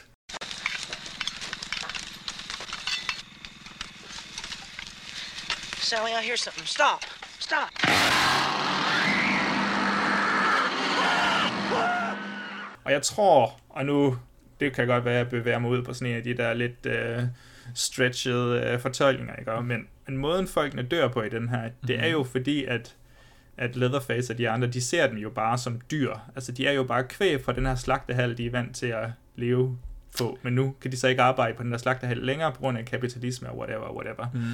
Og så, og så Franklin i den der stol der, han er jo bare sådan, altså, essensen er sådan en gris i et bur, en gris i et bur. Altså, han kan virkelig ikke gøre noget, ja. Og så bliver han bare fuldstændig massakreret med motorsaven så, men altså, ja, jeg ved ikke, om der er et eller andet der, at det Nå, bare du, skal være... du, du kan sagtens altså, lave fortolkning, altså også, at, at Sally er, er en, en gris, der er kommet på vildspor, og han løber og prøver at jagte grisen. Prøver at få fat på grisen, som han måske Og har hun været ude for. som en gris, Ja, altså. han, hun viner jo Ja. ja. nærmest nogle gange. Og det er lidt sjovt, altså det der med, at der ikke er så meget blod, fordi jeg mener, at den fik en X-rating mm-hmm. først. Ja. Og så tror jeg, at der blev klippet lidt fra, altså, jeg er ikke lige helt sikker på det punkt. Jo, det tror og så kom de altså ned på en R-rating, men jeg mener, at Tuber, Tuber, det var min, det var min sammentrækning af Toby Hooper. Tuber, han... øh, The Tuber. The Tuber. Tuber Trooper. Ja. Han, øh, han vil gerne måske have haft den lidt længere ned på en PG. Ja, det, det kan Øh. jeg godt huske, de snakker om, at de vil have, gerne have en PG, men der kan. Yes. man også indrømme, det er godt nok optimistisk. Det er et stretch marker. altså, men, men det er ligesom samme situation med The Conjuring, som vi også har snakket om. Mm, ja. Det der med, at den var simpelthen for generelt uhyggelig. Ja. Det kan godt være, at man ikke ser alt det her blod. Den var simpelthen for generelt uhyggelig, ja. til at den kunne komme ned. Og det er, det er jo også lidt et statement i sig selv, ikke? Jo. Det er også fedt. Ja, det er lidt Jeg- vildt. Altså, så det er ikke fordi, jeg har så godt styr på Video Nasties i, øh, i England, vel? Mm-hmm. Men øh, ham her, Stephen Murphy, som, som sad på toppen af The British Board of Film Censors, ja. øh, han kørte nærmest en had, hadskampagne mod filmen. Jeg tror, i den, jeg tror, det her det var lige før Video Nasty-perioden dog. Men han havde den her så meget, at den, den blev nærmest bandlyst fra England, og ordet chainsaw, det måtte ikke være i filmtitler fremover. Gud. ja, så, så den har jo opnået sådan en notorisk status igennem, øh, igennem dens lange levetid her. Så ja, men, men den er jo bare ikke så voldelig, så blodig på det punkt. Nej, altså fordi... Den er bare ubehagelig. Altså, du, du ser jo altså ikke meget blod som sådan. Der er ikke meget blod i den. Fordi øhm. de fleste, altså for eksempel, hvis vi lige hurtigt tager Kirk, jo, han, han bliver slået i hovedet, og så ligger han ned, og han har et blod sådan nede over sig, men du ser Og ikke, spræller. at du, spræller han, og det er den, måske det mest uhyggelige. Det er Ja, den, hvor de han der ligger, spasmer der, det er virkelig nasty. Men, men du ved, han ligger jo sådan set bare og har en lille smule blod ned ad maven, og du ser ikke hovedet, hvor det fosser ud af eller noget som helst. Du ser faktisk ikke hans hoved. Nej. Kameraet ligger og hviler på en skulder og kigger ned, eller sådan noget i den stil.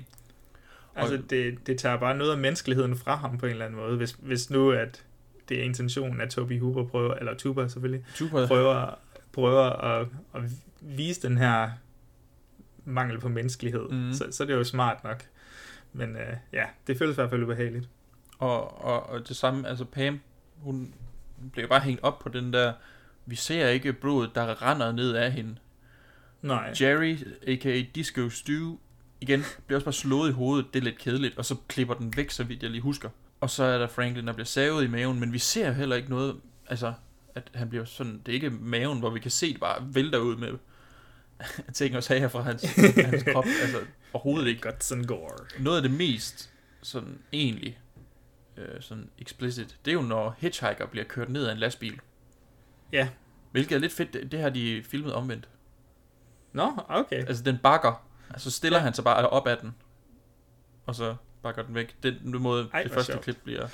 Ja, Man skal være kreativ, når man skal lukke i så film. ja det, det er også det, det. Det synes jeg er fedt at lære sådan noget. Og så tror jeg bare sådan, min, min hovedpointe for de her mor, eller Mm. det her grafiske element i den, det er, det er vidderligt, at, at jeg synes, det er mesterligt, hvordan den kan sætte de her ting til side, men samtidig så har vi det, de, du ved, det sidste akt af den her film, basically, Mm. hvor, hvor Sally, hun bliver jagtet på de her diverse det er lidt det er også komisk, at, at det er nærmest lige ud af en Scooby-Doo-film nogle gange. Altså den måde, Ja. hun løber rundt på, og han løber efter hende, og han er, nogle gange så skal han dreje Leatherface så hurtigt, at Ja. han lige laver sådan et hop til den ene side, fordi han ikke kan dreje hurtigt nok. Altså, det bliver meget, meget sjovt at se på. Selvom hun Ja. skriger hele tiden. Ja, ja, altså jeg tror ikke, det ved jeg ikke, det kan være, at du har set den så meget nu, eller, altså jeg føler ikke, at komikken overtager Nej, det gør den heller i den. Jeg synes virkelig, det er ubehageligt. Og nogle gange, så kan det måske også sådan fremprovokere en vildere reaktion, at det bliver sådan lidt komisk i det. Mm. Sådan, åh, hvilken virkelighed lever vi i lige nu? Ja. men, øh, men, men jeg synes virkelig, at den er ubeha- sådan virkelig ubehagelig sidste akt, hvor hun både er ved dinnerscenen, som det føles som om den var 30 minutter, Ja. eller sådan noget. Det føles helt vildt udholdeligt langt. Ja. Jeg tror, den er 8 minutter højst. Ja.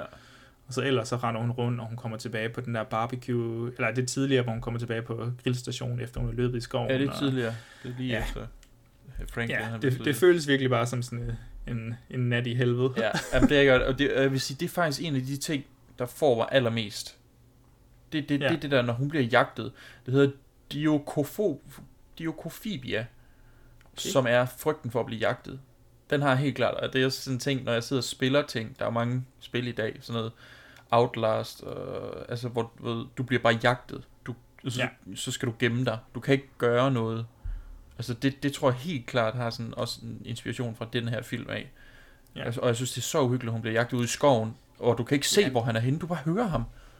Der er jo sådan en helt, helt hulemands instinkt primalt ved, at du ved, det er super ubehageligt at skulle blive jagtet Ja. ja. af, af dyr, og det, nu har vi jo så et monster incarnate her. Mm-hmm.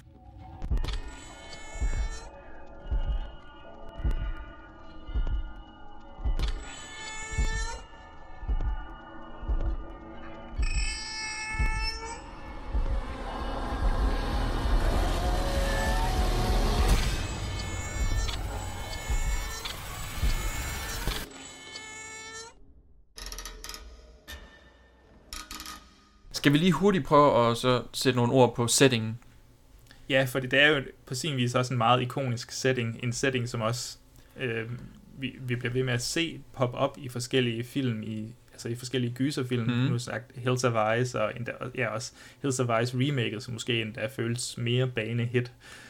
Øhm, så jeg synes, vi skal kigge lidt på den her texanske ødemark. Ja. ja, fordi det, som du siger, det er, det er jo en, det er jo en ødemark, og det er det der sådan, det er den der distinkt, altså det der med, at de er så langt væk fra civilisation.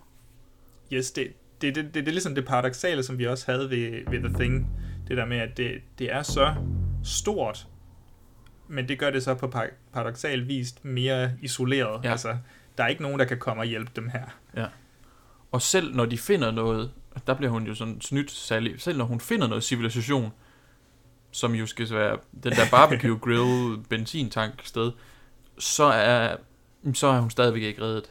Så er hun stadigvæk ja. øde. Det er stadigvæk for øde, altså til, at hun kan finde nogen. Det, det er kun til aller, aller sidst. Det kan man sige er meget heldigt, at der kommer... Ja, der kommer to biler. To biler, ja. Altså en lastbil og en normal bil. I will let this one slide, to ja. altså på det tidspunkt er man bare så fandens glad for, at der kommer nogen og hjælper hende. Ja. ja altså hvis der er kommet et pilotfly, et, eller et eller andet sådan kæmpe hangar skib på land, Alt eller et eller andet. Jeg var bare sådan, yes, den er helt fin, den her. Fint, jeg tror på det. Så længe hun bliver reddet. ja. Men det, altså, det er virkelig, det, det, det er også en del af det der med, at de, sådan, de er bare totalt hjælpeløse, og specielt fordi det er i 70'erne, det her det foregår, du ved, der er sgu ikke nogen telefon, du bare lige... Nej, nemlig. Altså, så skal du ind og have fat i nogen. Det kan jeg huske, det er det også i remake, der skal de ind og låne en telefon, i stedet for at have øh, noget øh, benzin. Ja. Så, så det, det, og man kan sige, det er jo det er lidt problemet for gyserfilm i moderne tid. ja, den, det var lidt nemmere dengang. Jeg kan huske, vi har snakket om det her før, men der er så mange ting, du bliver nødt til at adressere. Mm, mange wifi. Og... Ja, Ja, jeg tror, det var Chucky, det der med, ja, nemlig. at lige pludselig så havde de ikke noget, øhm, der er ikke noget signal derude på deres telefoner. Og øh, ja. ja, det er bare nemmere dengang.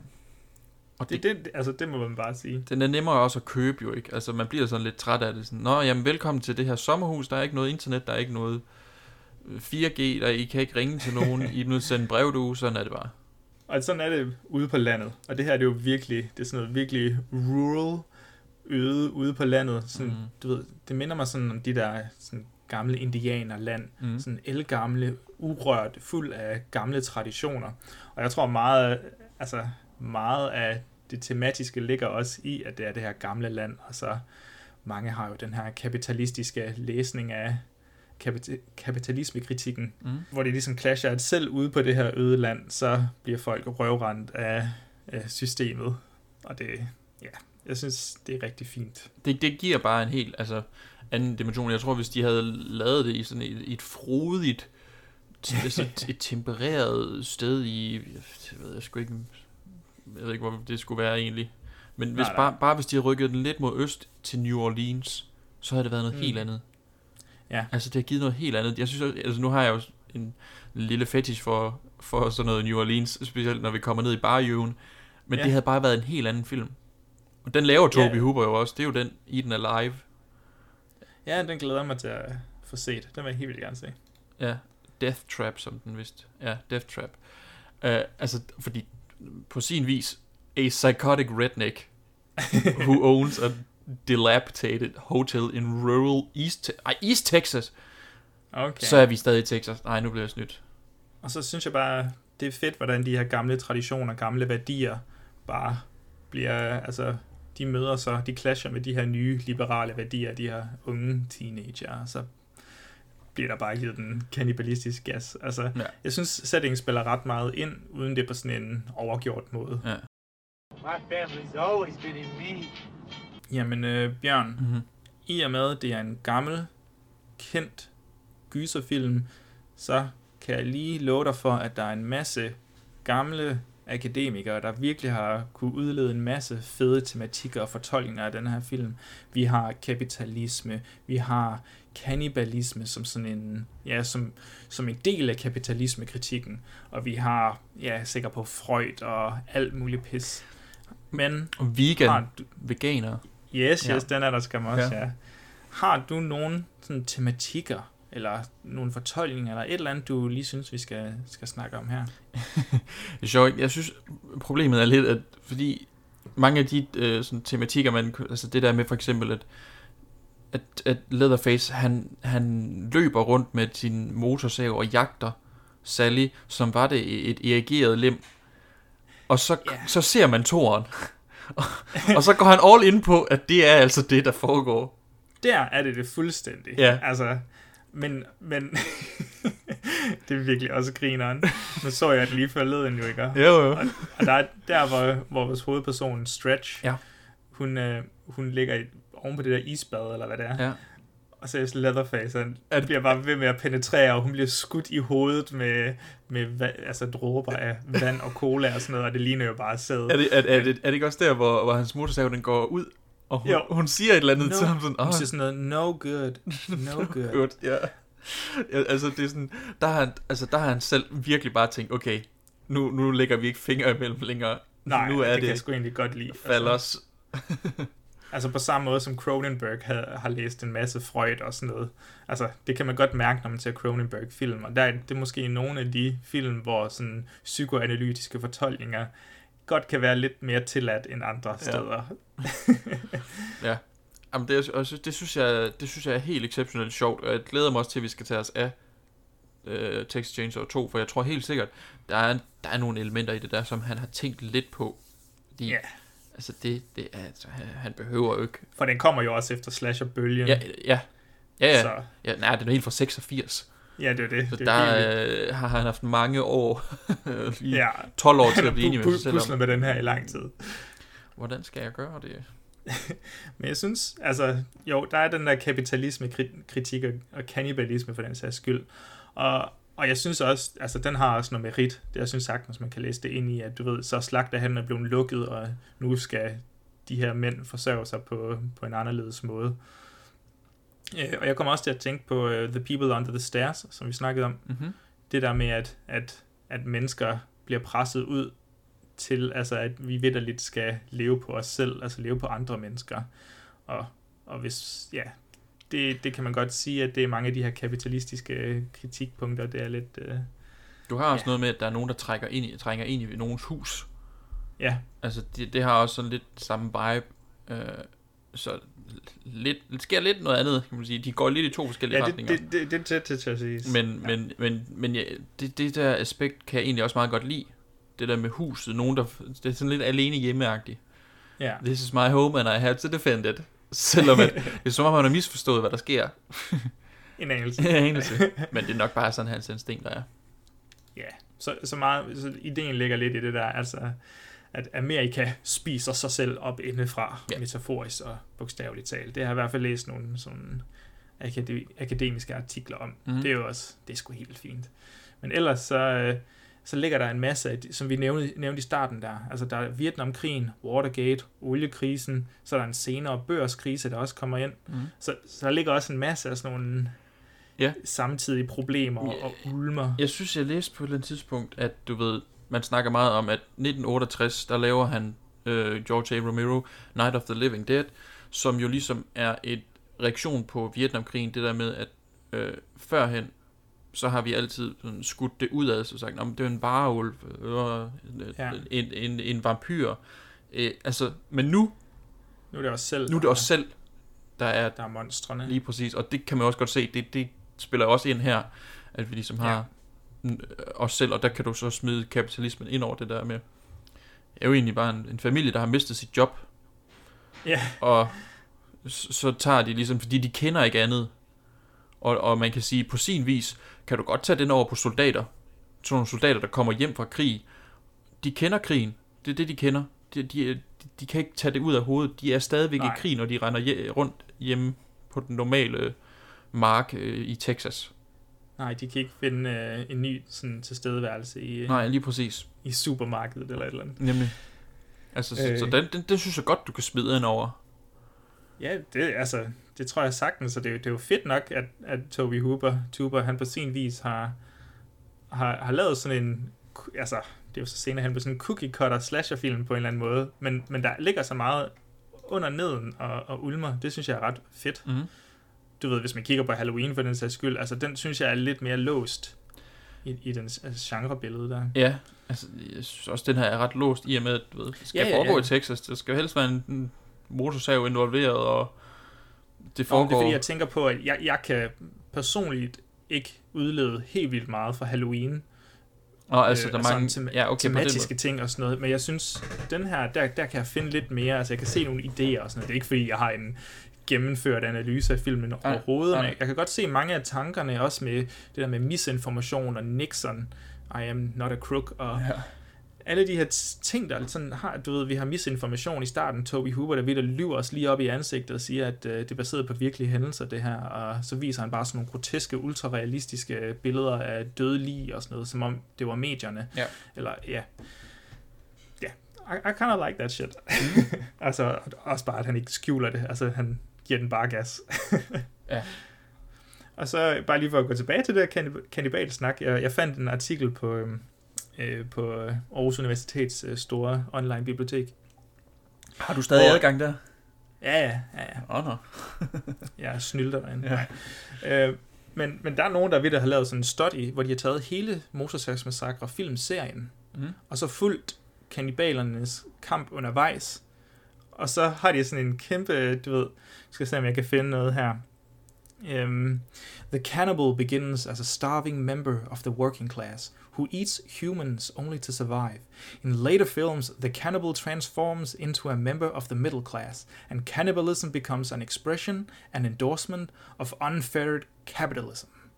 Og så går vi videre til, at de inddrager Vietnamkrigen og soldater, og man skal være en kannibal for at være en god soldat og sådan noget. Jeg, det ved, Shit. Respekt, respekt for, at man bare har givet den gas med det der fortolkning. Ja, det er også altid sjovt, når de nogle gange, altså, jeg kan huske, jeg, så læser jeg den der Men, Women and Chainsaws bog, hvor de sådan, oh, ja. okay, så, øh, grunden til, at kvinderne altid er øh, hovedpersonen, det er fordi, mænd kan ikke tåle at se de ting, der sker ved kvinderne på en mand, fordi det er for meget at identificere sig med. Det er for nemt. Så, øh, så, så, det, så egentlig, når du ser en kvinde, så er det en mand. Mm. Og når der så kommer en morder med et morvåben, som en kniv eller en motorsav, så er det jo en penis. Og når han så stikker den ind i hende, så er det faktisk... Yes. Og, og det var som om, at bogen bare på to minutter sagde, du er faktisk lidt bøsse for at sidde og se det her. hvad, hvad skete der? Øh, læs tre linjer eller sådan noget i stil. Jamen, det er det der, når man kommer med de der psykoanalytiske Ja, jeg det. symbol og sådan noget. Ja, altså, jeg synes, det er sjovt, Ja. men... Er ikke- ikke altid- Ja, ak- jeg kan- Akademisk er jeg ikke så, så enig i den øh, tankegang der. Ja, nok kan man tolke så meget på den her film, ja. men jeg synes også bare, man skal huske, at, at, at selvom akade- akademikerne virkelig giver den gas, hvilket jeg også selv gør i nogle tilfælde, ikke? og I love that shit, Mhm. så er der også bare noget elementært fucked up, spændende og uhyggeligt ved, at man har det her meget simple plot, at der er nogen, der bliver jagtet ude i skoven, eller du ved, ude i ødemarken, i de her, den her lille skov, der også er på et tidspunkt. Og, det, og jeg synes bare, det er så fint at eksemplificere, hvad, hvad gyserfilm kan. Ja. Altså bare få os til at frygte de her primale øh, instinkter, skrækfølelser. Det, det, det gør den også bare helt vildt godt. Ud, godt ud over alle de her store, luftige tanker. Mm. Men det er sjovt. Vi, øh, la, vi, vi kalder det en slasher, ikke? Det er vi enige om. Jamen, det vil man jo gøre. Altså, Ja. ja. jeg har jo også kaldt Black Christmas for en slasher. Den har vi jo snakket lidt om, og den er jo heller ikke fuldblods slasher. Nej. Men jeg synes, altså, hvis der er nogen, der er virkelig sur på os, fordi vi kalder det en slasher, så vil jeg hellere kalde det en prototype slasher. Mm. Altså, ligesom Psycho er en prototype, ligesom Black Christmas er en prototype, ligesom Giallo-filmen er en prototype, så er Texas Chainsaw altså også en prototype. Den har nogle elementer. Den har nemlig nogle elementer af det her. Fordi, som du også sagde, den har Final Girl, den har bunken af, af teenager, der ligesom går på, tager på et roadtrip, og så mm. bliver de massakreret ude i en, på et øde sted. Og på sin vis, så har de jo også, falder også våbnet. Men her er der så mange forskellige våben og sådan noget, så ja. Jamen, det, jamen, jamen, den har mange af de der elementer der, men det er jo sjovt at tænke på, du ved, der er næsten, altså, den har jo ikke så super mange film at se op til, så vidt jeg ligesom... Nej. Altså, det virker mere som om, at de også, netop, fordi jeg tror også, det er derfor, de tænker, at de godt kan komme afsted med at sige, at det er en rigtig historie. Altså, det er jo ikke, jeg, jeg, kan ikke, jeg kan ikke pege på en film før 1974, som jeg ville kunne sige, det der, det er der, de har taget det fra, Texas Chainsaw, det, det er der, de har fået det fra. Nej, præcis, fordi det, det eneste, jeg nævnte, du ved, det var der, hvor den har fået lidt inspirationer fra, Ja. ja. sådan Men, men det er simpelthen Rædselsnatten og- hele den setting, og altså den forfærdelige øh, person, karakter, altså galleri, du har med, med de tre i familien der. Jeg, jeg, jeg kan ikke komme i tanke om noget som helst. Nej. Og hvis der er nogen, der sidder derude og siger, Nå, men så er det da fordi, du ikke har hørt om Skriv det lige til 1970-filmen. os, ja. Vi gonker dig i hovedet tre gange. Åh, helt vildt gerne se øh, den altså, hvis der er nogen, der har endelig sige det, fordi jeg, ved- jeg ved det virkelig ikke. Jeg kan ikke regne ud, hvor det her øh, texanske øde, øh, altså Nej. kannibalistiske noget, det skal komme fra. Nej, det, det er det. Jeg tror, det er små fragmenter af, af andre film, der er sat sammen, og som er nogle virkelige inspirationer, Ja. og, og samtidens problemer, der har lavet den her concoction af, af ja, kanni- kannibalfilm. Jeg synes, det er fedt. Mm. Jeg tænkte også, øh, om vi måske kunne kigge lidt på, på efterfølgerne, fordi jeg har hørt, at du er ret velbevandret mm-hmm. i, øh, i elsker den det, texanske det, det lyder som, det er sådan nogle rygter, der går ud i byen. Sådan, Ja, nemlig. 13 years ago, audiences across America were horrified by the savagery of a faceless killer. In the wake of this bizarre rampage, he vanished. Now, after more than a decade of silence, he has come out of hiding. Jeg har jo selvfølgelig ja. set, jeg har sådan en fin lille multiverse billede foran mig nu. Det eneste to, jeg ikke har set, det er 3'eren og 4'eren, altså den, der hedder Tex- Texas Chainsaw øh, 3 fra 1990, og så The Next Generation. Jeg har så set sådan nogle YouTube-videoer, hvor de egentlig forklarer plottet. Okay. Øh, men, men det er også der, at filmen bliver allermest gakket nærmest. det, og, og så selvfølgelig gode Viggo Mortensen, han er med i 3'eren, og så Renee Zellweger og Matthew McConaughey. Yes. Og ved du hvad? Han siger i, øh, i, i The Next Generation. Alright, alright, alright. Nå, fedt, mand. ja. Skide godt. Men, øh, Jeg, jeg vil på, på sin vis vil gerne se dem, og så de ser godt nok dårligt ud. Ja, det gør de. Men altså, jeg vil sige, i sådan, sådan, sådan generelt set, synes jeg egentlig, det er en ret fin franchise. Altså, Ja. øh, selvfølgelig etteren her, vildt god. Toren, markant anderledes.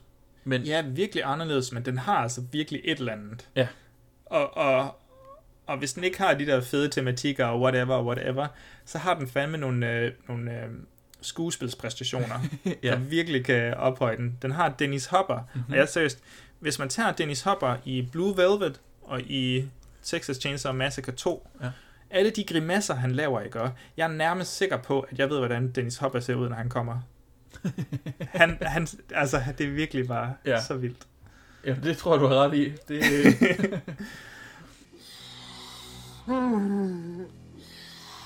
Oh, mommy, mommy, mommy. Mommy loves you. Baby wants to fuck. Get ready to fuck! You fuckers fucker! You fucker! Don't you fucking look at me! ja, det er lidt... Det er lidt øh, han er en skør skuespiller, for at være helt Han er en virkelig skør skuespiller. Også bare i Apocalypse Now, hvor han bare er konstant høj. Og, Ja. ja. Ej, jeg, jeg, jeg synes, det griner, men, men skuespilspræstationerne i toren der, det, er- de, de, de er sgu ret fede. Men ellers har jeg ikke rigtig set mere, udover jeg har minder om et remake, ja, mm, som vi snakkede okay. om tidligere. Altså fordi, jeg synes egentlig, de der to, der er sådan en reboot-duologi, Ja. Om hvad vi skal kalde det. Den, Som der hedder... Zombie-agtigt, uh, ja, Halloween. The Beginning, og så bare den, der hedder Texas Chainsaw Massacre, er egentlig fine nok for sig selv. Altså, Ja. de, de kan også godt stå alene, synes jeg.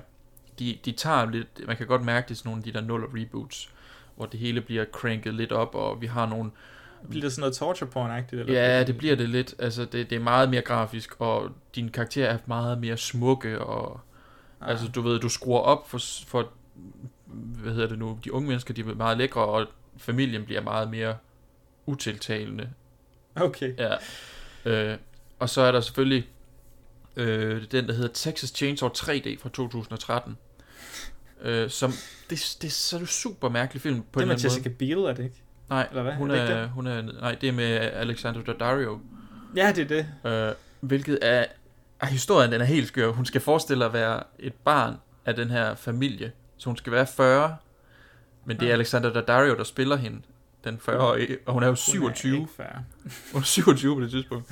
Øhm, men, også flot. men der tager, det må man sige, men den, den, den, de har genbygget hele huset. Altså, de genbygger, altså den, den, den film, den slutter, uh, undskyld, det starter lige der, hvor Texas Chainsaw fra 74, den slutter. Det er ret fedt. Okay. Altså, ja. men ikke fordi film er skide god, men den, den gør bare mange rigtige ting. Øh, og så er der så også den 2018 film, der hedder Leatherface, som er... Den skulle jeg høre var rigtig dårlig. Ja, det er sådan... Er det den, hvor de forklarer alt gået fra? Jamen, ja, altså de... Hvor, hvor, hvad hedder det nu? Han, han kommer på en institution, ham her Leatherface her. Og hele Ah. familie, filmen, jeg, jeg vil ikke anbefale at se den, hvis det er. Nu spoiler jeg den. Øh, det er nogle børn, der, der slipper væk fra sådan et, et institution. Og så er der sådan en kæmpe stor dreng, der er tyk og krølhåret, og man tænker, det der det er Leatherface, og så finder vi ud af at til sidst, det er ikke ham, der er Leatherface. Leatherface, det er ham, den flotte fyr, som ikke er særlig stor. Altså, det, det er bare for at lave twist til sidst, Ej. og det, det, det, det hænger ikke sammen med, hvordan Leatherface han ser ud i alle de andre film. Nej, det er irriterende. Ja, den, den, den er lidt ærgerlig. Øhm, også, altså, også, den er lidt unødvendig. Øh, Ja. Nej, jeg, synes, jeg sad bare og tænkte på, hvad, hvad, hvad hele filmserien havde gjort. Du ved, så, så kommenterer den på slasher-genren i 80'erne med, med toeren der. Mhm. Og så tænker jeg, i nullerne, så har vi nullerne i, i slasher-genren. Det blev sådan nogle... Så, så kom der mindre babser og sådan noget. Men så kom der kendte ansigter på. Nu ved jeg ikke, hvornår Renee Zellweger-versionen er fra. 94, det, det, de holdt jo faktisk filmen tilbage for at kunne udgive den samtidig som Jerry Maguire. Okay. Hvilket de fik ret store problemer for, fordi du må ikke bare sådan øh, holde den tilbage for at lukrere på et navn på den måde der. Ah, okay. Ja, Nå, jamen jeg, jeg, jeg, satte mig ikke helt ind i sagen. man. Jamen det, ja, ikke helt, fordi både, hvad hedder han, Matthew McConaughey og Mm. Renee Zellweger var jo sådan, jamen, vi vil gerne have, at den her slet ikke kommer ud, øh, hvis vi Ja. skal være helt ærlige. øhm, og det Ja. kæmpede de meget for.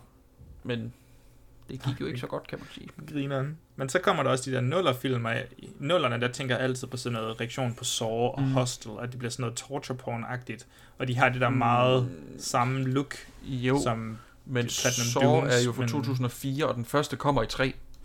Okay, jamen det er også bare et gæt, fordi altså, jeg sidder og tænker, ja. Kan det være noget eller det? Men den har, altså, den det har helt ikke. klart noget af det der med, at de begynder at reboot, og vi skal bare, vi skruer alting op på 11, Ja.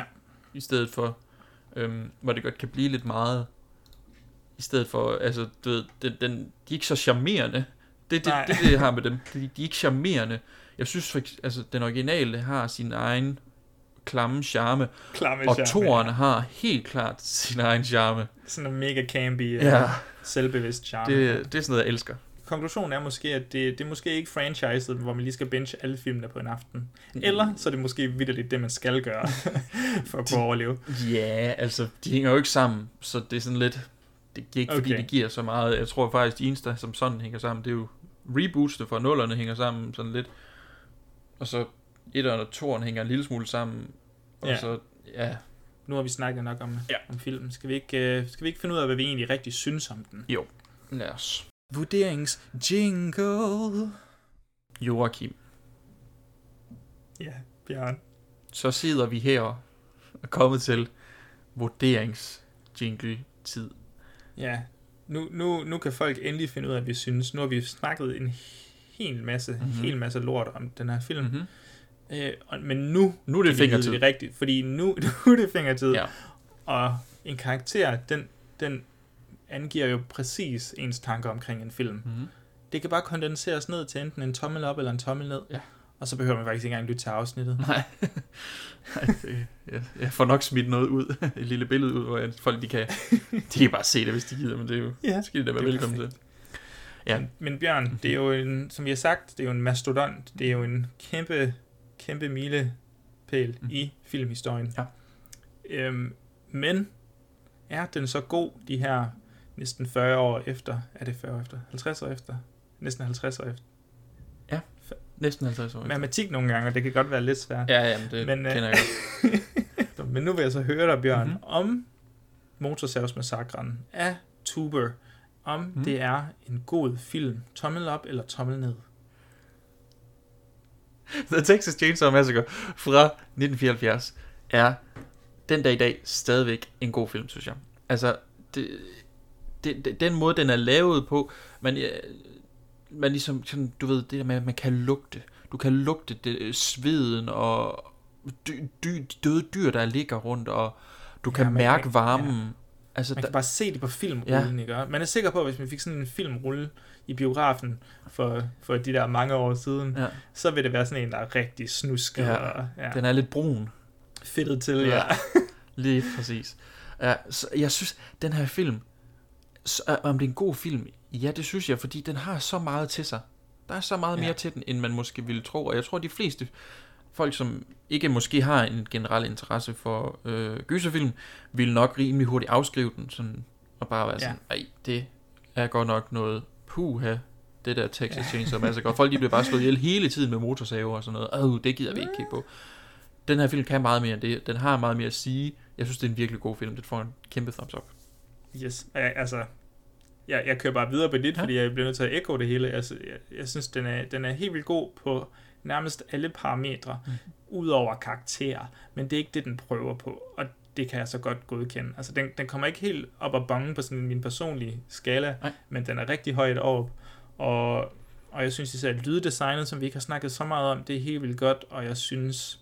Vi har glemt helt at snakke om det der klassiske Ja, det lyd. der skrætte lyd der. Jeg tror, ja, det skal forestille at være et kamera i gamle dage. Det, det tror jeg også. Men det minder mig sådan om Sinister, Seven og sådan nogle seriemorderfilm, Ja. hvor der kommer sådan nogle, du ved, de der credits montager eller sådan noget. Der Ja. synes jeg altid, der kommer sådan nogle skrætlyde. Ja, ja det, jeg tænker Ja. meget på Seven. Og så, den er 80 minutter lang. Det, det hjælper altså også rimelig meget på det. Så er det nemt lige pludselig at Så se det er altså nemt lige at smide på. Ja. Så, så du får ikke engang lov til at spørge mig, fordi øh, min finger, det er en finger i forlængelse af din. Det er også en kæmpe stor tommel op herfra. Pissefedt. Godt nok. Jamen, Joachim, må jeg så ikke spørge dig, er det en uhyggelig film? Yes. Nogle gange, altså nu har vi allerede lavet, vi har lavet 19 normale podcasts, og vi har lavet en god håndfuld øh, andre podcasts, og hver gang der føler jeg, at jeg siger, at der er forskellige slags uhygge. Mhm. Den her, det er ikke sådan en conjuring uhygge, synes jeg, eller sinister uhygge, øhm, hvor det er mere sådan noget overnaturligt, og man ved ikke helt, hvor man har øh, karaktererne, og hvilken situation de er i. Det her, det er sådan en helt, altså stripped down, helt basal, primal uhygge. Sådan en, du bliver fucking jagtet i skoven, der er et monster efter dig, men monster i menneskeskikkelse, og du bliver bare, du, der er risiko for, at du bare bliver slagtet, som var du en, en almen dyr, en lille gris eller et eller andet. Og så er den så ubehagelig på sådan en vemmende, vedstykkelig måde. Og, og det, det kan jeg sagtens. Det vil jeg have det helt fint med at give en tommel op, og det giver jeg altså en tommel op, for jeg synes, den er uhyggelig på sådan sådan en helt speciel måde. Det vil jeg sige. Så Bjørn, du har jo en lidt anderledes øh, fortolkning af uhygge, så jeg vil nemlig gerne høre, hvad du synes om den her. Om det er en uhyggelig film. Det er jeg spændt på, faktisk rigtig spændt på. Ja. Jamen, jeg synes jo ikke, film er skræmmende i en moderne forstand. Det er lidt ligesom du siger, det er ikke, det er ikke en Sinister Conjuring Insidious. Det er ikke Nej. James Wan uhygge. Nej, bestemt ikke. Det er ikke alt, altså, alt for meget sådan, uh, lige op i ansigtet på dig. Jeg tror da, jeg kan komme i tanke om en scene, og det er der, hvor de går ud i skoven, hvor, hvor han bare lige pludselig dukker op om med sin motorsav. Yes. Men ellers så er det ikke sådan, så er det mere sådan en snigende uhygge, eller en jagtende uhygge. Og jeg, som jeg sagde tidligere, jeg synes simpelthen, det er det mest uhyggelige, det der med at blive jagtet. Jeg synes, det er så Ja. uhyggeligt. Specielt hvis ikke man kan se altså, bag ved sig. Altså, de spil, jeg spiller, når det er sådan noget, så kan du sjældent, så skal du klikke på en eller anden knap, som sidder lidt træls, for du vender rundt, og så kan du selvfølgelig ikke se, hvad der er foran dig heller. Og i det, når hun bliver jagtet, så kan du heller ikke se noget. Du kan ikke se, hvor han er. Nogle gange kan du lige se det. Han kommer lidt i baggrunden, og nogle gange, fordi de filmer forfra, så kan du ikke se, hvor lang afstand der egentlig er, på grund af Ja. de linser, de har brugt. Og det giver også bare, altså der er så meget øh, teknisk vel eksekveret uhygge Ja, i den, den er her film. helt, det er helt vildt godt klippet, den der jagtscene der, Ja. synes jeg. Og det, det er sjovt, Toby Hooper har også sagt det. Det, er- det er basically den samme øh, sti, de løber på. Men de bruger bare nogle forskellige øh, Ja, nemlig. klip, altså, og nogle forskellige linser, og så øh, vender de lige kameraet lidt. Altså, Men det føles lidt som den der, vi render rundt i helvede Ja. ja. og sådan noget, vi kan ikke komme ud. og ja, hun, føles ja, ja, de som der om trapper ligegyldigt, der, hvor hun løber hen, så kommer hun aldrig ud derfra. Ja. Mm. Jeg kan ikke huske, hvad det der, den der optical illusion, de der trapper hedder, men øh, altså de uendelige trapper, eller? Øh, stair- nej, det ved jeg ikke lige. Ja, ja, Men- det føles lidt sådan. Ja, jeg synes, altså det er så, og det, det- men jeg vil sige, det, det er ikke fordi, jeg føler, at film er uhyggelig, men jeg synes, den er vildt ubehagelig. Og det er nok noget af det, du siger, nogenlunde. Ja. Uden, nu ved jeg ikke, om det var det ord, der brugte faktisk. Ja, nej, det er godt. Men, men jeg synes, den er vildt ubehagelig at, at se, og jeg tænker meget på den, når jeg har set den. Så ja. ligger den altid lige og ulmer lidt et par uger i mit hoved. For jeg, den, den bare er så forfærdelig, og jeg kan ikke lade være med at tænke også det der øh, sandhedselement. Jeg synes jo, det er vildt spændende, sådan noget med, sådan, hvor forfærdelige mennesker der findes ude i verden. Det ved jeg ikke hvorfor, men det, det synes jeg bare er vildt spændende. Øh, og sådan noget som seriemorder, det, jeg kan bare ikke lade være med at, Nej. at, at, at, at opsøge det. Så ja, jeg synes, den her film, den får en thumbs up på at være øh, uhyggelig. Fedt. Fordi Det er jeg sgu glad for. Ja, jeg, jeg var lidt i tvivl om, fordi vi aldrig har snakket om... rigtig betvivlet. øh. Ja. Vi har aldrig snakket om den her sådan film, når vi bare har sådan siddet. Altså, så har vi Ja, vi aldrig snakker mere om toeren, tror jeg. Ja. Altså. det er også... Men det er også... Altså, det føles som to vidt forskellige film. altså, virkelig. det gør det virkelig. Men ja. Nå, fedt. Så fire gange thumbs up. Det er kun Sinister, The Conjuring og The Autopsy of Jane Doe, der har fået det på det her tidspunkt. Og nu tilslutter The Texas Chainsaw Massacre sig i de store gysergutter analer sig som Yes. en fire, det store firefingret film. Yes. Og det er fedt. Det er sgu rigtig fedt. Ja. Det er også en kæmpe film.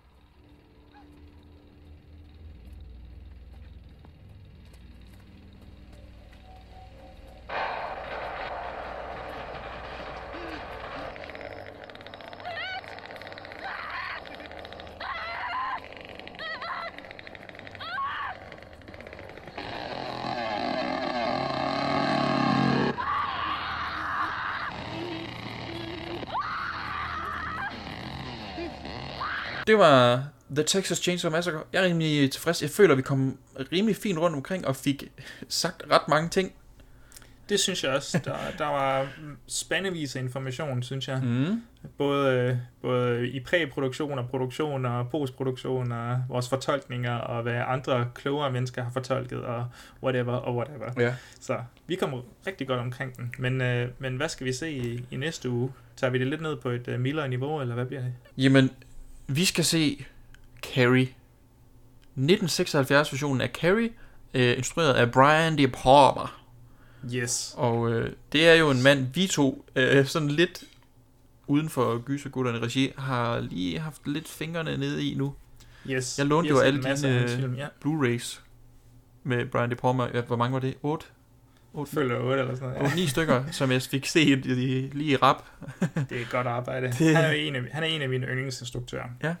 Altså, han, han er jo en del af den der Brad Pack Mhm. fra, fra Hollywood med Scorsese og Paul Schrader og sådan noget. Coppola og hvem det nu ellers var med.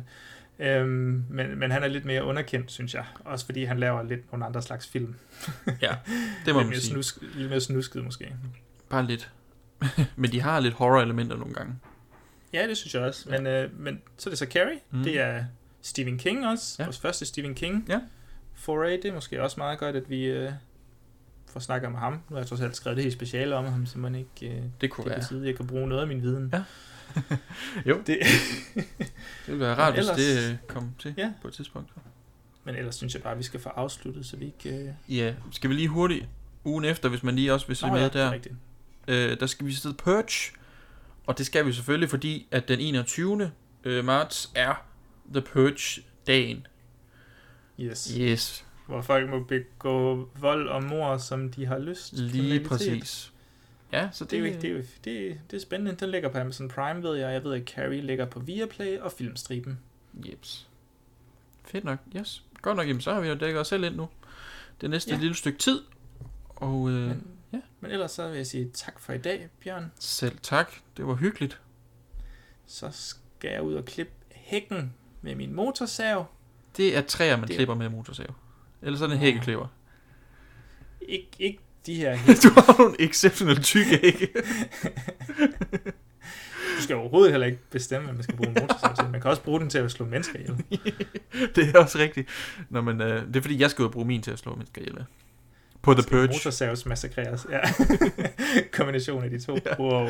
Hvorfor de ikke gjort det? Ja, det ved jeg ikke. Det, det, de det, er, det, er, oh, det er et spin-off, der... Det er sådan et godt mashup lige der. Oh, det kunne være fedt. The Texas Chainsaw Massacre Purge. Øj. Wow. Oh, nå. det, må, Farvel. det må vi drømme videre om en anden dag. Nå. Tak for i dag. Vi ses. Tak for det.